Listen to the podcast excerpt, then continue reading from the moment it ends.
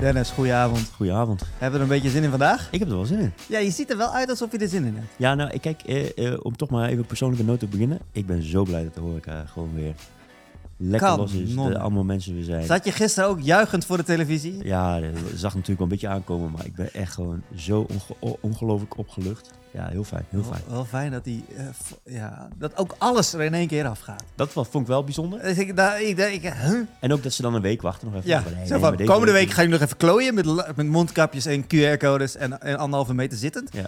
En dan daarna, en dan zaterdag mag je toch, nee, vrijdag al, mag je toch even Dan, ja, tot één uur tot een beetje, een beetje poedelen. En binnen wel alles, eh, Ja. naar de code. En dan daarna gewoon... En dan volgende week is het, ah, Maar goed, maar niet uit, hè? een feestje was het. Feestje, ik zat juichen, echt, die persconferentie, het was ook echt een feestje hadden ze ervan gemaakt. Dat je echt Ja, denkt, joh. ergens, jongen. oeh. Lekker. Nee, maar goed. Eh, dus eh, boekengasten, met deze week eh, eh, een, eh, een gast. Weer een gast. En, en wat voor een? Het houdt niet over. Zijn naam, toen ik het tegenkwam online, toen dacht ik, ja, dat moet een gast worden van onze podcast. en na een hoop heen en weer gehengel en, ge- en ge-app en is het dan eindelijk geluk om hem erin te krijgen. Deze man, ik ga hem even professioneel aankondigen. met mijn radius. Deze man eh, eh, is bezig. Ben je, daar ben je nog steeds mee bezig, toch? Of is het gestopt? Nee, je bent er nog steeds. Zeker weten. hij nee, ik ben er nog steeds mee bezig. hij knikt van ja. Eh, met met te gast zijn in 100 eh podcast. Zeg ik het zo goed? Of zeg ik het verkeerd? nu? Zeker. Nou, gelukkig. En eh, we- ehm, nou, wij heten Boekengasten met onze, onze podcast. Ja. En hij heet de podcastgast. Zeg ik het nu goed? Ja, podcastgast. Ja, Matthijs. Welkom in onze podcast. Hey Matthijs. Dankjewel. Hartstikke leuk dat ik hier mag zijn bij de boekengasten. En zijn wij nu ook de gast in jouw podcast? Werkt dat dan ook Eh, zo? nee, nee, ik ben alleen te gast in jullie podcast. Ah, Ehm, maar je had wel een eigen kanaal, toch? Waar je, waar je, eh, nee, ja, klopt. Ik heb een eigen kanaal. Ik heb ook een ernstig tijdgebrek. Dus die twee dingen gaan niet heel goed samen. Ehm, het idee is, was, is nog steeds dat ik eh, van alle podcasts waar ik te gast ben, zeg maar een soort van short version doe van de leukste 10 minuten. En dat ik die op mijn eigen kanaal zet. Dus ja, ik, weet je, ik kom in allerlei verschillende podcasts. Dus nu gaat het over boeken, maar ik heb podcasts over ondernemen en over liefde. En, laatst een podcast over iemand, eh, hoe het is om blind te zijn. En weet je, het gaat allemaal kanten op. En nou ja, ik snap best wel dat je denkt, hè, een podcast bijvoorbeeld over blind zijn. Ga ik daar een uur naar luisteren. Dus op mijn kanaal kan je dan maar de eerste of de leukste 10 minuten luisteren. En dan denk je, nou, als, als dit mij aanspreekt, dan doe ik gewoon die hele aflevering. Ah, je maakt En zo leer je een ook weer nieuwe soort, podcasts soort, kennen. Een soort eh, eh, eh, teasers eh, eigenlijk, een beetje. Zo van, Ja, eh, ja. luister Ja, deze podcast 10, eens. minuten teasers. ja. Alleen het kost gruwelijk veel tijd om die ook nog op te nemen. Dus er staan er echt acht online, terwijl ik heb eh, al meer dan 30 podcasts gehad. Maar eh, 30 zit je nu van de 100? Ja, ik zit nu, in, ik zit nu op eh 36, 37, zoiets. En alles staat nu Ja. online eh, die, eh, die je hebt opgenomen. Nee, Zijn nee, nee er, zijn nog nog- meer- ja, er, er staan er nu 35 online volgens mij. En er zitten er nog twee of drie die al opgenomen zijn. Maar ja, soms, weet je, bij ons duurt het ook tussen het moment dat je afspreekt en soms ook tussen het moment dat je opneemt en dat het online komt. Ja, soms zit daar een dag tussen, soms zit daar drieënhalve maand tussen. Dus eh, het is altijd een beetje ook voor mij afwachten in welke volgorde alles uiteindelijk uitkomt. Ah, ja, maakt niet uit. Bij ons ben je in elk geval er nu bij. En eh, die kan je optellen bij... eh bij, eh, bij eh, nou, wat is het? Een recordpoging? Wat is het? Nee. Nee, ja, gewoon een poging. Een- gewoon, het een- leek me leuk om in 100 verschillende podcasts te zitten. Ja. Dus da- daar is het idee begonnen. Dus ik weet niet of ik een record heb eigenlijk dan. Ja, weet ik ook niet. Maar ik vind het echt een tof concept. En ik hou heel erg van concepten. Dus, eh, en ik ben blij, blij dat je te gast bent. We gaan zo even verder praten. Maar ik wil eerst Dennis even wat overhandigen. Anders vergeet ik het. Eh, kijk, want eh, ehm, ja, ik maak zelf ook een podcast. Podcast.egd. En eh, podcast.egd heb ik net seizoen 2 van afgesloten. En bij... Na tien afleveringen maak ik daar een soort podcast boekwerkje van. Dus zo'n zo'n boekje wat je vroeger bij een cd kreeg of bij een plaat. En ehm, daar maak ik dan een, een, een soort artwork boekje met alle artworks van de voorkantjes. Van Sp- bij Spotify kan je dat doen, hè? kan je dan een ander voorkantje doen. Of een ander album artwork.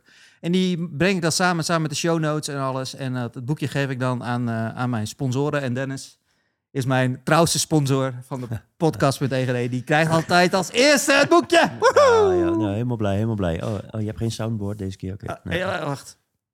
Oh, dat is niet de goede. Oh. Oh, nee. Even nog een keer. Oh, hey. Applaus. Applaus. Dat is deze. Nee, dat is niet die. Ik moet nog een beetje de knopjes leren. Ja. En ik heb stickers gemaakt. Jawel, want we hebben, ik heb Hoppatee, stickers. Ik heb vier podcasts. De, de, puntkast, punt, eh, de podcast.egd, de puntkast, een Street at Street podcast en natuurlijk boekengasten. Dus ze staan hier allemaal op. En door deze sticker gaan nog meer mensen hopelijk luisteren naar, eh, naar ons gelul en, eh, en dat soort dingen. Dus eh, die overal even plakken, Dennis. Plakken, plakken, plakken, plakken. Plakken, plakken, plakken. En, eh, Heel erg leuk. Super bedankt. dus, dus dat. Dus eh, da- ja, da- da- we hadden het net in het voorgesprek er heel even al over. Van, ik heb meerdere podcasts en ja, da- dat komt zo een beetje samen. En met Dennis doe ik dan boekengasten en gaan we over boeken lullen. Ja, ik bedoel, ik ben hier de podcastgast, maar jij hebt gewoon vier verschillende podcasts, joh. Ja, je kan nog in drie andere podcasts. Nee, in twee. Want die ene is meer een verhaal. Zeggen, dan, zit, dan zit ik al boven de 40. Kom, help mij. Nee, voor podcast.egd heb ik ook nog wel een idee. Dat, dat, dat komt wel goed. En eh, ja, lachen. als je in de puntkast wil, moet je een gast worden of een leverancier van Punt. Dat, eh, Dennis was mijn eerste gast in de puntkast. Het is allemaal één grote inteeltshow, dat snap je natuurlijk wel. Hè? Dennis, is. Dennis is namelijk, eh, eh, nou ja, wat is het? Medewerker van Davo Bieren, een biermerk hier uit Deventer. En dat verkopen wij. Dus Dennis was mijn eerste gast in de puntkast. En eh, toen hebben we over bieren geluld. En aan het eind van de podcast kwamen we te spreken over een boek. En ik pak hem er gewoon weer bij, want dat is onze Een van onze favoriete boeken. hè? een van onze favoriete boeken. Het Tony Chocoloni boek. Heb je die gelezen toevallig?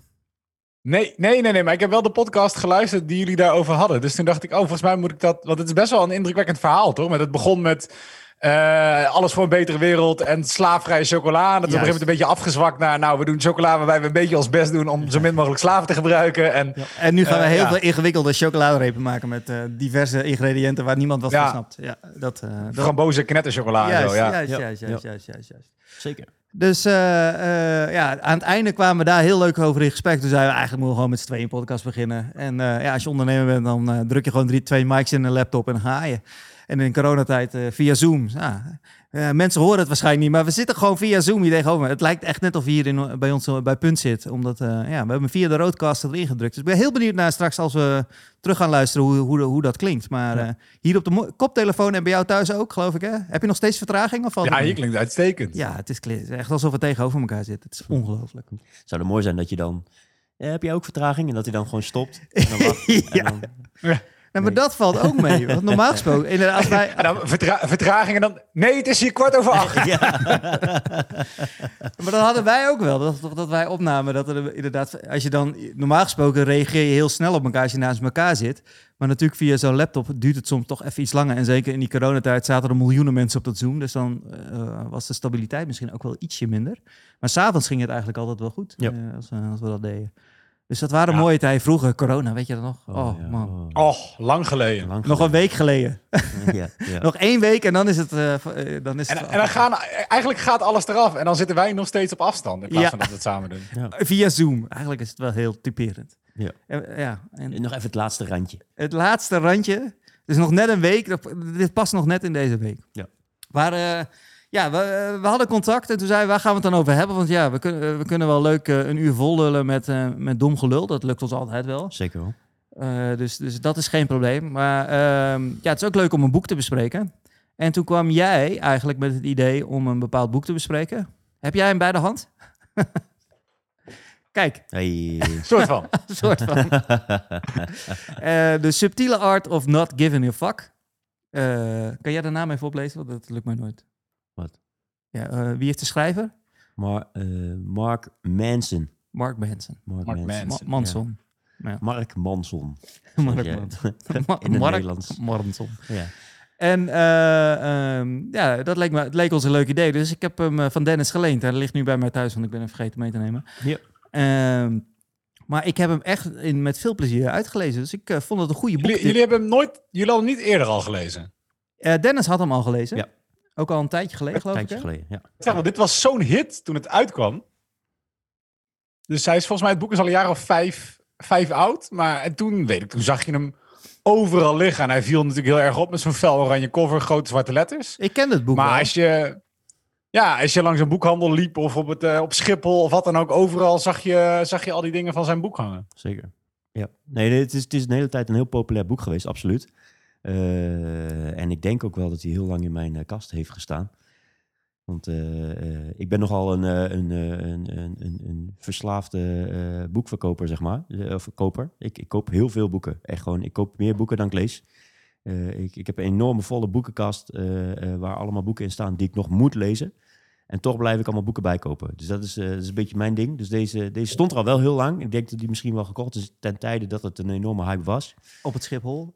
Nee, nee, Bij de niet. ja, ja, op Schiphol. Toen je nog met de trein reisde. Toen we nog vliegen vlogen. Toen we, ja, weet je, vroeger. Toen je nog geen vliegangst kon hebben. Dat Ja. soort dingen. Toen we overal nog een fuck aan konden, konden hebben. Eh, eh, maar, eh, dus toen heb ik hem wel gekocht. Maar ik, ik heb hem wel later gelezen dan de hype was, zeg maar. Dus dan voel ik me toch nog een beetje anders dan de rest. Ja, nou, ik heb hem pas heel la- eh, Ik heb hem dus echt een paar weken geleden had ik hem uit. Toen heb ik je een bericht gestuurd van... nou, ik ben er klaar voor. Ja. Let's go. Laten we een datum plannen. En eh, zo zitten we hier. Maar jij hebt hem wel al eerder gelezen, Matthijs, of niet? Ja, echt wel toen die uitkwam. Dus ik heb, eh, ik lees niet superveel, maar het meeste wat ik lees is, eh, is non-fictie. Eh, ik heb echt een tijd gehad dat ik heel veel, weet je, managementboeken en weet je, van die, nou ja, noem het zelfhulpboeken, las, weet je wel, alles moet beter, hoger, harder, hyper, geiler, leuker. Ehm, en daar hoorde dit boek hoorde daar natuurlijk ook bij. Dat kwam toen uit en dat zou helemaal nieuw zijn. En, en nou ja, goed, prima. Dan, dan tik je hem. En het is wel geschreven op een manier dat je er heel makkelijk doorheen fietst. Zeker. Ehm, weet je, sommige van dat soort boeken kunnen, kunnen heel saai zijn. Of toch wel, ja, het zijn heel vaak boeken waarbij je denkt, nou, dit had gewoon een blog moeten zijn. Hmm. Eh, maar je moest 50.000 woorden hebben, want anders dan mochten ze hem niet uitgeven. Dus je hebt alles uitgerekt. En dit was een boek wat wel makkelijk las. Dus het was, ik, ik hoorde toen om me heen van heel veel mensen die dat dan lazen, die normaal niet van die zelfhulpboeken lezen.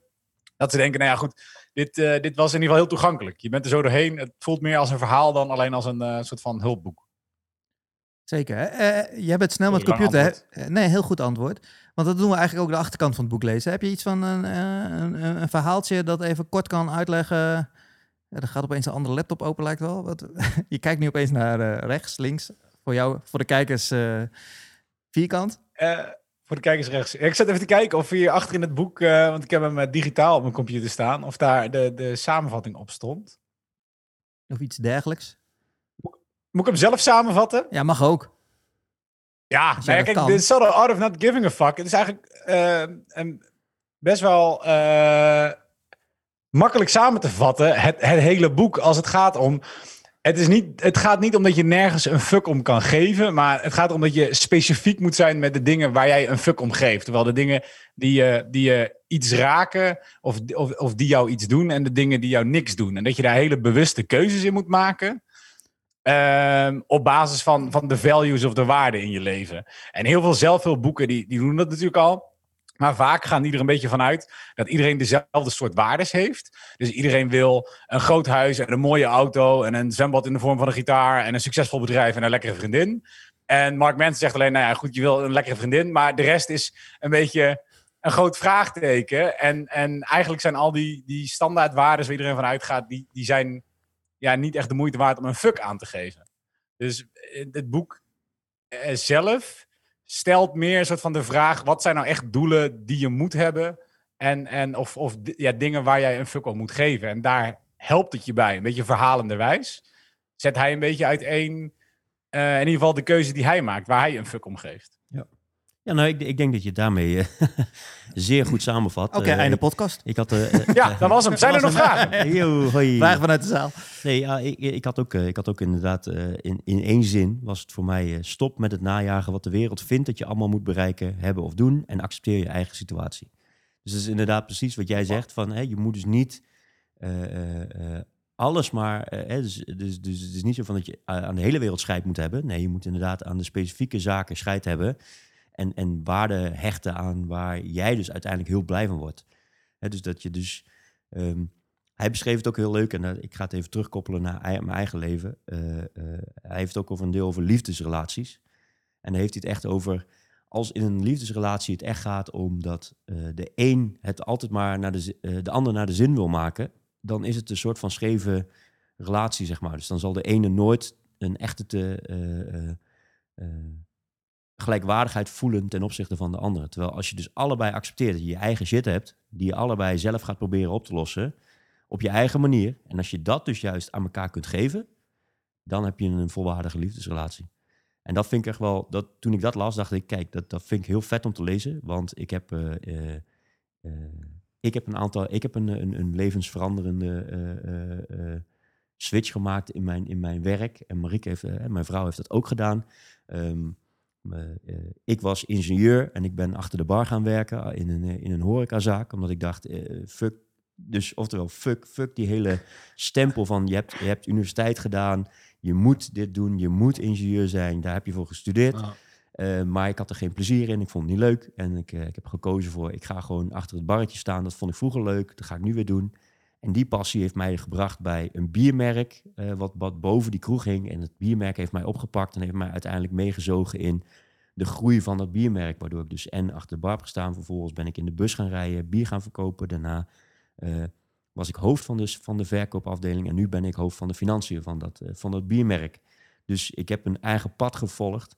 Alleen die betekent in het begin wel dat Marike ook moest accepteren van. Hè, dus als, zij, als ik het haar naar zin had willen maken, oftewel zorgen dat ik voldoende geld heb om een bepaalde levensstijl in stand te houden. Maar ik heb toen de keuze gemaakt van nee, het maakt niet uit dat mijn salaris doormidden gaat. Ik moet plezier hebben, ik moet, ik moet me fijn voelen.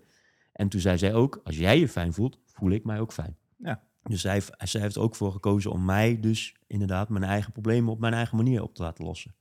En andersom heeft zij dat ook gedaan. Zij was eerst eh, onderzoeken op de Universiteit eh, van Twente. En toen dacht zij ook van hier word ik ook doodongelukkig van. Heeft zij ook de switch gemaakt en zij ging werken in AZC in, eh, eh, in Zutphen. Ging ze mensen helpen, eh, asielzoekers helpen. Want dat, daar dacht ze, daar heb ik veel meer plezier en, en voldoening aan. Wat ook weer een hele totale verandering betekende in haar leven. Maar die ik ook heb gezegd van als jij dit nu voelt, dan moet je dit gewoon doen. En dan word jij beter van, word ik beter van. En uiteindelijk heeft dat zich ook weer zo uitgewerkt daar met haar. Dus toen ik dat las, dacht ik, kijk, zo had ik er zelf nog nooit over nagedacht. Maar zo voelt het dus inderdaad wel. Dat we allebei zoiets hebben van, pak je eigen, eh, pak je eigen problemen aan op jouw manier. En dan gaan we, als jij er blij van wordt, worden we er samen automatisch ook blij van. En, we don't give a fuck wat mensen daarvan vinden eigenlijk. Precies. Ja. Ja, en dat is, dat is zo'n moeilijke factor, is dat. Want Ja. ik heb daar ook mee gestruggeld. Ook gewoon, wat vinden mijn ouders ervan? Wat vinden mijn vrienden ervan? Dat ik, dat ik ga van een eh, ingenieursbaan waar ik voor gestudeerd heb naar ik ga achter de bar staan, gewoon in de kroeg. Nou, Eh, dat is zo'n gekke, gekke gedachtegang in je hoofd, zeg maar, dat je daar eh, het, het probeert te verantwoorden, omdat je gaat denken wat anderen daarvan denken. Mhm. Terwijl eigenlijk, ja, Matthijs, wat vind jij daarvan? Ja, dat is een, een mega switch. Ja. Van ingenieur naar. Weet je, dat is, dat is. Kijk, ik ben zelf ben ik altijd van hot naar her gegaan. En ik ben ooit. Wat doe je eigenlijk? Want ik, Eh, eh, ik weet eigenlijk helemaal niet wat je, wat je bent. Niet ben alleen maar podcastgast. Nee, ja, ik ben een podcast. That's it. En dan, en dan kruip ik onder mijn steen tot de volgende podcast. Nee, Ah, je had de hele eh, avond niks te doen, zei je net. Dus, Ik ben, ik ben ondernemer ik, in de e-commerce. Ik heb een, een aantal webshops en ik werk als ZZP in de e-commerce. een aantal webshops. In welke, in welke categorieën dan? Mag ik dat vragen? Eh, ik heb een tijdje in resellen gezeten. Dus gewoon aanmerken, eh, herverkopen op internet. Slim inkopen, herverkopen. Eh, ik heb een aantal producten gehad in de baby niche. Ik heb een tijdje gezeten in de spelletjesrichting. Ik heb een print-on-demand shop heb ik, heb ik nog steeds eigenlijk. Maar daar doe ik niet zoveel meer mee. Dat is gewoon iets wat leuk. Ik vind het leuk om dingen op te bouwen en dan maak ik het een beetje passief en dan laat ik het weer een beetje los. Eh, en dat doe ik nou een paar jaar. En ik werk nu eigenlijk ook heel veel als ZZP'er om eh, grote merken te helpen. Eh, en dan heb ik het echt over, nou ja goed, ik, ik zal geen namen noemen, maar echt hele bekende spelers in Europa die op marketplaces willen verkopen. Ehm, en dat doe ik. Maar ik ben oorspronkelijk, tig jaar geleden, ben ik opgeleid als game designer. Ik, ik maakte videogames. oh ja. En ik ben van de videogames. Ik had er vijf jaar voor gestudeerd. En ik had eh, zelf stage gelopen bij Guerrilla Games. Een van de grootste, of het grootste gamesbedrijf in, in Nederland. En dan heb je vijf jaar lang tering veel je best gedaan. Weet ik hoeveel collegegeld uitgegeven. En ik kwam er vanaf en ik zei: Ja, maar ik ga dit niet doen, joh. En, en ik ben de sales ingerold, want ik wilde gaan ondernemen. Eh, en uiteindelijk eerst nog sales gedaan en toen de tijd marketing gedaan. En toen duurde het nog een paar jaar voordat ik echt begon met ondernemen. Eh, maar dat vond ik toen al een mega stap. Weet je? je hebt vijf jaar lang iets gedaan en je flikkert het gewoon overboord om iets te gaan doen wat je eigenlijk met ieder HBO-papiertje had kunnen doen, in plaats van dat waar je ervoor geleerd hebt. Ja. Mhm. Ehm, en dat, maar dat, is nog, dat, dat vind ik nog een minder grote stap dan wat jij hebt gedaan. Is, ja, ingenieur is like, een super, eh, super hoge opleiding, universitair en eh, veel tijd en moeite. En dan ga je iets doen waar je eigenlijk niet eens een briefje voor nodig hebt. Want achter de bar staan, dat, dat mag al heel snel, zeg maar. Oh, oh, oh, oh, oh, oh. Of uh, chargeer ik het nu heel erg? Nee, maar, maar uh, het is inderdaad een enorme, enorme uh, switch van, laten we zeggen, de theorie naar de praktijk. ja. inderdaad, ehm, zonder het te chargeren, kun je inderdaad gewoon, zonder, zonder wat je ook maar hebt, achter de bar staan. en, daar, en daar je kunsten vertonen.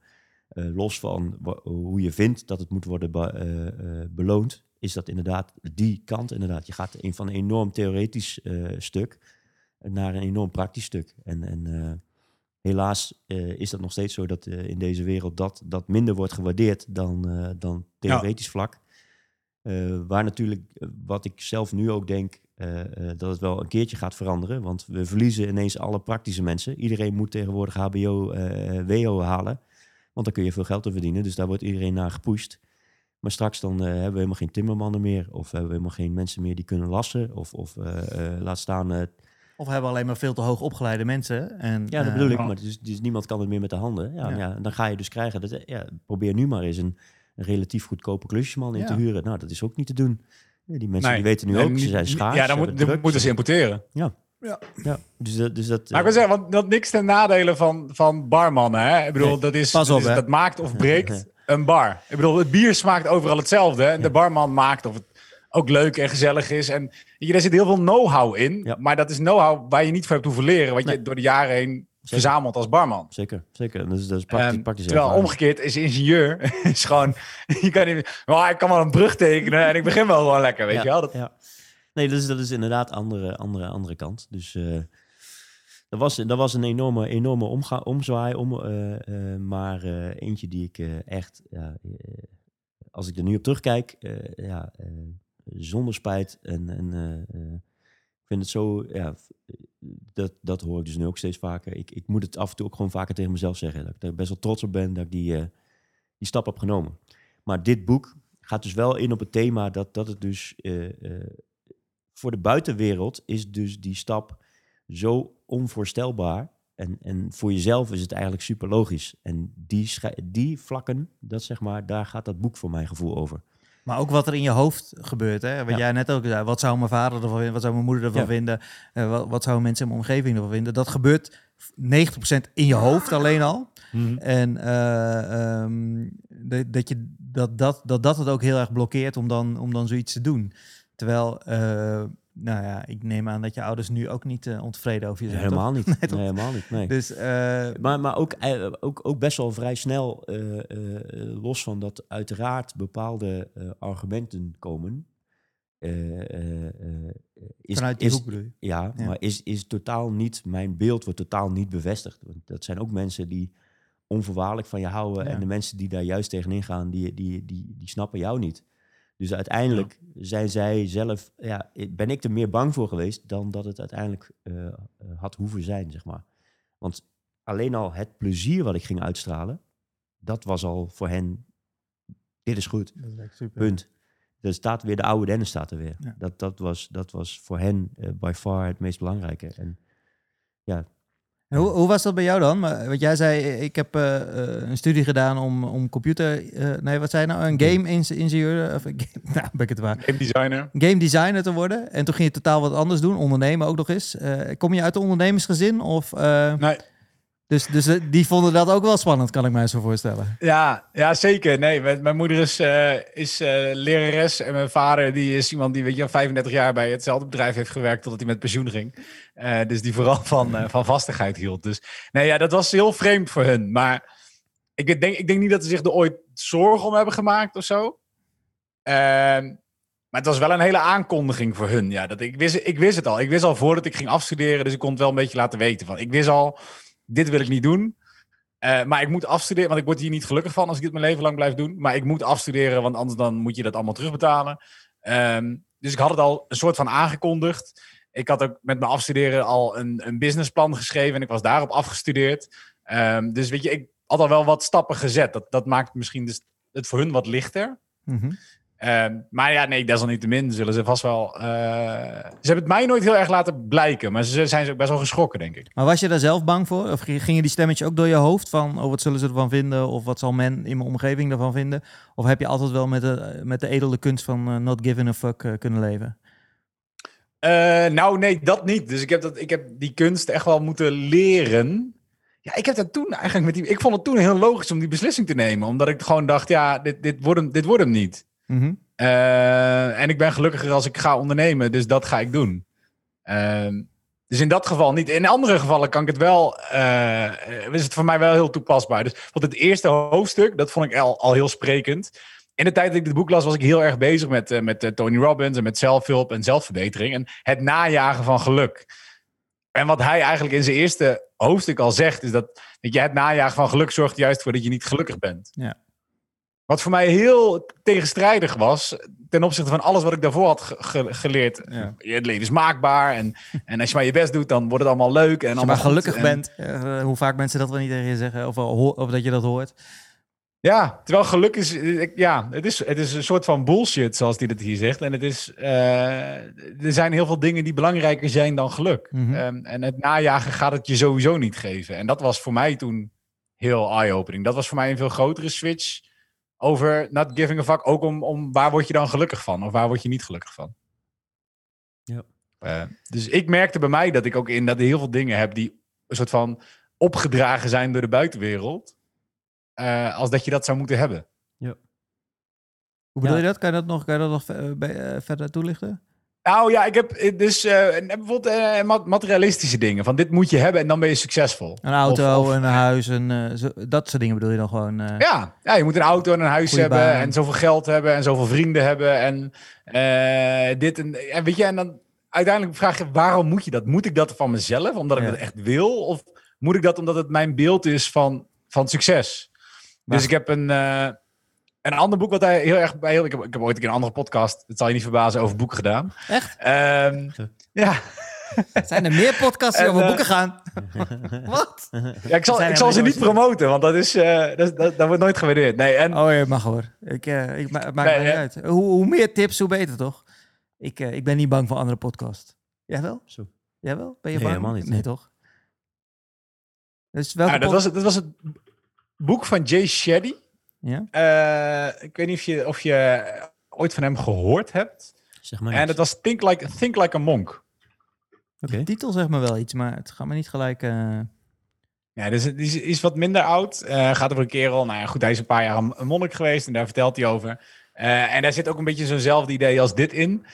En ik had toen, toen ik dat boek las, dat, toen, toen ging ik richting mijn dertigste verjaardag. En ik dacht altijd, als je dertig bent, dan moet je een groot feest hebben. Dan moet je heel veel vrienden hebben die dan komen. En ik had toen iemand tegen wie ik heel erg opkeek, die een paar jaar ouder dan mij was. En ik was op zijn feest. en die had een hele grote bar afgehuurd. En er waren 200 man. En ik dacht, dat moet ik ook. Maar ik heb, ja, ik, had, ik heb geen 200 vrienden om uit te nodigen op een feest. Weet je, dat is, Waar haal je die vandaan? Ja. ja, waar, waar, waar, nou ja, waar kan, waar kan je dat pak En opentrekken? Van 200 vrienden. Je moet ze allemaal inhuren en dat is ook weer duur. Dus ik dacht, en, maar dat is heel lang. Ja, vond ik dat. Ik vind mijn verjaardag vieren sowieso niet zo leuk. En dan dacht ik, ja goed, dan ben ik 30 en dan moet je dat goed doen. En dat dat soort van ongemerkt zat dus in mij een soort van blokkade. Van dat, dat moet, weet je wel. Want dan, als je dat niet hebt op je dertigste, nou dan ben je een beetje een sukkel. Terwijl, ja, weet je, ik heb, ik, heb, ik heb meer dan genoeg vrienden om heel mijn agenda te vullen. En ik heb een aantal hele goede vrienden die heel dicht bij me staan. En dat is meer dan genoeg. En ik heb, toen ik 30 was, met hun een avond zitten zuipen.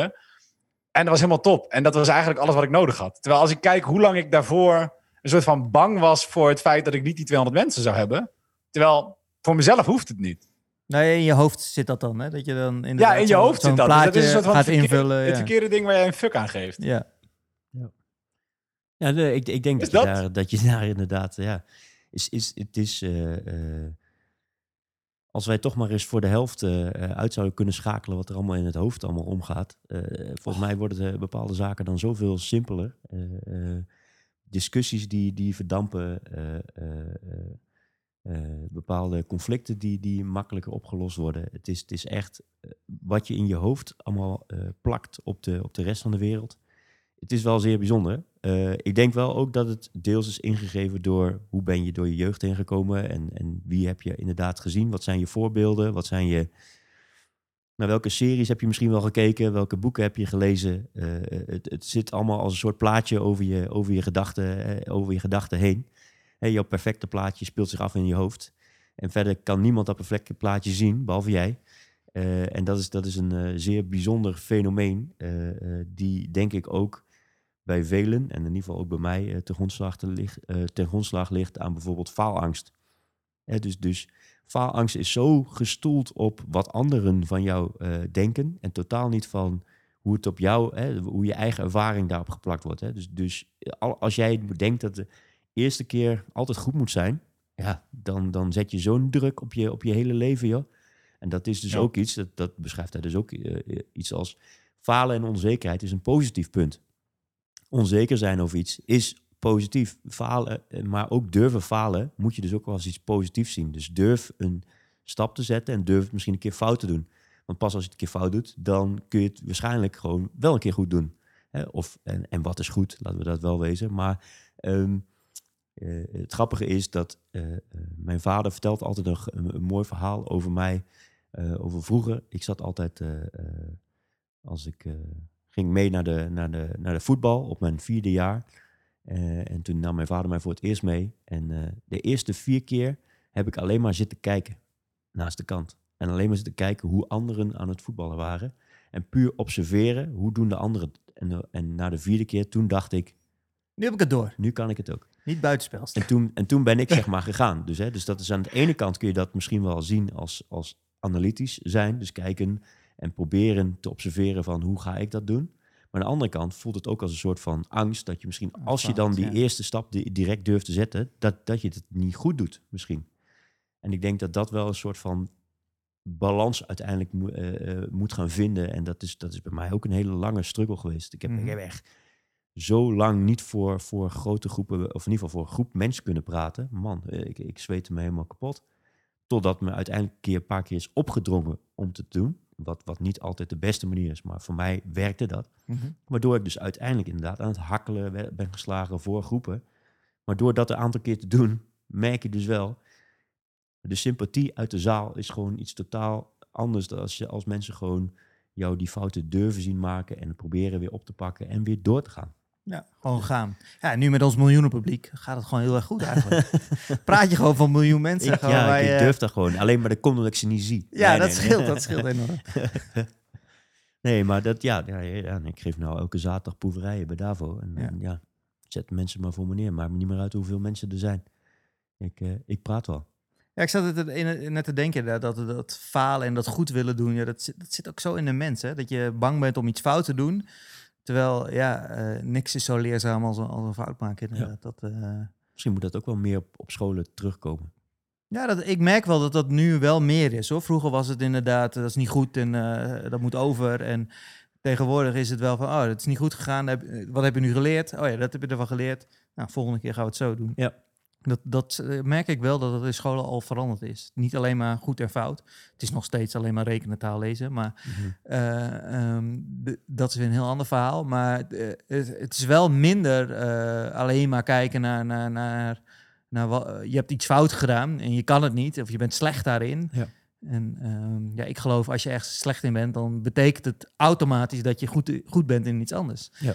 En ehm, dat, Ja. dat ding moet je vinden. Zeker, maar ook, ook de, de, de eh, beloning voor moeite eh, Mhm. zou ook aanwezig moeten zijn. Zeg maar. Ja. Als je ziet dat iemand daar Ja. heel veel moeite in stopt, dan kun je in ieder geval ook iemand aanmoedigen van, potverdomme, wat ben je in ieder geval, wat heb je er in ieder geval voor geknokt? Dat je daar in ieder geval al een, een soort van eh, aanmoediging voor krijgt. Want dat geeft je namelijk wel stimulans om het in ieder geval te proberen, los van of het lukt. En los van of dat, dat uiteindelijk misschien veel eerder inderdaad duidelijk moet worden van dit, dit is wel mijn ding en dat niet. Maar de poging zou ook veel aandacht moeten krijgen. En ik denk ook goed voor Ja, jezelf. eigenlijk bijna nog meer. Ja. Ja. Ik Sorry, denk ook dat... want dit is, weet je, uiteindelijk is het de reis in plaats van de bestemming. En Ja. dat klinkt natuurlijk super cliché. Maar het is ook ehm, je, je- de poging die je doet en de moeite die je doet, is veel belangrijker dan of je het in één keer eh, goed hebt. En ik denk dat dat is ook wel iets wat hij in zijn boek eh, en, en verderop in het boek naar voren laat komen. Dat het, het, eh, het, het geluk, eh, om te beginnen zegt hij, nou ja, weet je, het najagen van geluk is natuurlijk, dat is een beetje het probleem en daar word je ongelukkig van. En daarna dat het geluk vind je in het oplossen van, van problemen. En het is niet alsof je, alsof je dat één dag kan doen en dan ben je klaar, want dan zijn al je problemen opgelost. Nee, dat is, kijk, je bent je hele leven lang ben je bezig met het constant oplossen van, van Ja. alsmaar nieuwe problemen. Dat was voor mij wel echt een inzicht. Dat is inderdaad, zo had ik me dat nog nooit zo beseft of zo. Ik vond, ik, dat vond ik wel echt tof. Dat je inderdaad, inderdaad, je bent continu alleen maar bezig met problemen. En dat maakt het leven vaak leuk. En als je in die problemen zit, dan denk je alleen maar kak, kak, kak, lastig, moeilijk. Maar als dan iets opgelost is, of als, als je dan door zo'n probleem heen bent gegaan, of dat je een, een zware klus hebt gedaan en die, die succesvol is afgerond, dat je, dan krijg je daar des te meer voldoening van dan een klus die je heel e- eenvoudig hebt kunnen doen en die met een vingerknip Ja. voorbij was. En dat je denkt, oh ja, nou ja, daar heb ik dus niks van geleerd of zo, weet je Ja. wel? Ja, maar ik denk dan, dan ook aan het einde zou er dus meer aandacht eh, moeten zijn voor hoe ben je daar gekomen. Ja, Hè, dus dus Proces, eh, we kunnen misschien wel heel makkelijk alle successen op een rij zetten. Zoals bijvoorbeeld nu, hè, Suzanne Schulting op eh, de Olympische Spelen wint vier, vier medailles. Dat is dan de, de highlight die gekregen wordt. Wauw, wat fantastisch dat ze dit heeft gehaald. Maar hoe ze daar is gekomen, wat ze allemaal heeft moeten laten, hoe hard ze ervoor heeft gewerkt, hoe vaak ze op haar, Ja. eh, op haar muil is gegaan, hoe vaak ze eh, eh, onderuit, hoe vaak ze heeft staan kotsen boven een prullenbak om dit allemaal voor elkaar te krijgen. Mhm. Dat is ook super mooi om dat juist te laten zien. Van kijk, dit is iemand die. Misschien zijn er wel beelden van dat, dat eh, Suzanne Schulting nog niet eens half op een schaats kon staan. Ja. Maar dat ze wel de drive heeft en denkt: dit vind ik zo fantastisch, dit vind ik zo mooi, dit wil ik. nou dat doen ze nu wel meer, toch? Want de, die eh, dat was ook zo'n Amerikaanse vrouw, toch? Die, eh, die gewonnen had. Die nog geen vijf jaar geleden voor het eerst op een schaats stond. Ja. Omdat die, tenminste, ik heb het verhaal niet helemaal meegekregen. Ja, maar, Jackson, ja. Wow. voor, de, voor de ouders moest zorgen of iets dergelijks. En eh, ehm, ja, nu dan, doordat een andere eh, atleet heeft gezegd van... ik ga niet mee, jij mag mee of zo. Echt daar allemaal terecht. Ja. Dus aan- zo'n opvolging van, eh, van, van, van, van mooie elementen die, die zo'n prestatie eh, voortbrengen. Het is wel, Zeker, het zeker. is wel tof dat dat, dat, dat wat vaker aan, aan bod komt. Maar inderdaad, vaak hoor je alleen maar de, de Ja, als- succesverhalen. Kijk, En- kijk, op, eh, kijk overal op, op eh, de, de, de, wat, wat heeft Sven Kramer eh, Ja. bereikt in zijn leven. Dan zie je alleen maar zijn, zijn zoveel keer heeft hij het WK gewonnen. Zoveel keer heeft hij Olympische Spelen heeft hij iets gewonnen. Zoveel keer heeft hij dat gedaan. Maar zijn hele... En één keer is hij een verkeerde baan ingegaan. Ja, Dat ja maar, dat dat, is- ja, maar dan, dus dan is het Ja. of de, de super highs of de super lows. Die Ja. zijn er allemaal. Maar alles wat ertussen zit, dat is, dat is, ja, er wordt weinig eh, naar gekeken. In ieder geval voor het grote publiek. Er is een hele mooie documentaire over hoe die daar uiteindelijk gekomen is. En hoe Mhm. hij dat allemaal doet. Alleen dat zou, vind ik, ook op primetime, ook nu Ja. met de Olympische Spelen. Gooi dan die mooie beelden erin. Gooi dan erin van hoe heeft Suzanne Schulting zichzelf zo ver gekregen dat ze nu hier staat. En dan, dan zien veel meer eh, eh, mensen eigenlijk ook niet alleen maar, oh ja, het is succesvol. Nee, ze heeft er alles voor gedaan om, dit, om, dit, om daar te staan. Het is niet En aankomen. ook wat, er voor, ook wat er voor nodig was om, om daar te komen. Dus volgens mij, dit is ook iets wat, eh, wat Mark in zijn boek zegt. Dus heel veel mensen die zien een doel als wat ze willen bereiken. Maar wat je wil is het resultaat en niet de weg ernaartoe. Dus je kan wel zeggen, ik wil goud winnen op de Olympische Spelen met schaatsen. Maar dat betekent automatisch dat je dus ook moet willen om 15 jaar lang, iedere dag, acht uur per dag te trainen en weet ik hoe vaak te vallen en op te staan. Ja. En wil je dat niet, ja, dan wil je ook eigenlijk dat goud niet hebben. Weet je, dan, dan ben je alleen maar op, op, op zoek naar het resultaat. En dat is niet, ja, dat is niet wat je uiteindelijk wat je, wat je na moet jagen of wat je, wat je krijgt. Nee, precies. Ehm, en dat vond ik zelf wel een hele interessante. Dat je, op- als je op die manier kijkt naar, oké, wil ik dit echt doen? Wil ik, eh, wil ik Olympisch goud eh, winnen? Nou, dan betekent dat dat ik dit dus ook allemaal moet willen. En wil ik dat niet, ja, dan is dit wat hij volgens mij in zijn boek noemt, hij dat een shitty value. Eh, dan is het een shitty value wat ik, wat ik najaag. Zeker. Nee, nee 100, 100 procent, 100 procent zeker. Ik denk, maar en, en dan trek ik het naar jullie. Dat is ook in de ondernemen zo. Ik bedoel, als jij eh, het ondernemen alleen maar op een voetstuk zet en eh, denkt heel veel geld verdienen eh, op zeer korte termijn, zeer makkelijk. Nou, dan moet je maar eens met een paar van die topondernemers gaan praten. Dat is echt, dat is absoluut niet. Wij lezen er nu meerdere boeken over. Dat is met vallen, opstaan, vaak failliet gaan, helemaal alles kwijtraken, maar toch door blijven gaan omdat je toch ergens in gelooft of, of weer iets nieuws oppakt, omdat je gewoon denkt, "Di- ik, ik geloof in mezelf en ik denk dat ik dit kan. Eh, eh, en, en daar ligt natuurlijk ook weer een basis in, in, in hoe, hoe, hoe eh, valt uiteindelijk dus het gezin samen met, met, jou, met, je, met je onderneming. Maar daar zit dus wel ook weer dat in van die liefdesrelaties. Van als dan jouw vrouw accepteert dat jij daar helemaal voor gaat, jij wordt daar helemaal vrolijk van, jij kunt dat allemaal. ja, en, en zij kan het accepteren, dan, dan zul je dat uiteindelijk ook bereiken. Maar als die, als die support er niet is, of een hele andere machtsverhouding daarin zit, zul je het ook niet voor elkaar krijgen. En ik denk dus dat, dat het grappig is, dus ook, ook dus in, in, in ondernemingen, en dus hier, eh, hier in, in jouw geloof in, eh, eh, in jouw street art, in, in, deze, in deze mooie zaken hier waar we nu zitten. Ja, dat is alleen maar op doorzettingsvermogen. Gewoon zeker weten, ik geloof in ons concept of ik geloof dat dat gaat, gaat gebeuren.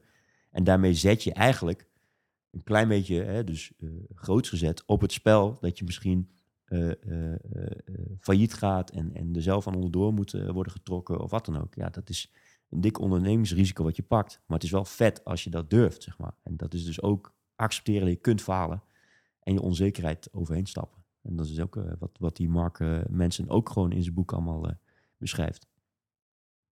Zeker. Zo, Toch? Eh, ik ben er stil van. Ja, ik wil zeggen, hij komt even binnen.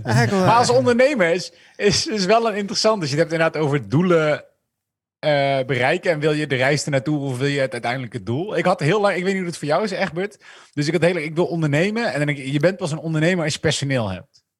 Want anders ben je iemand die zijn eigen werk verzorgt. Ja, mijn vrouw vindt dat dus ook. Ik ben het daar dus niet mee eens.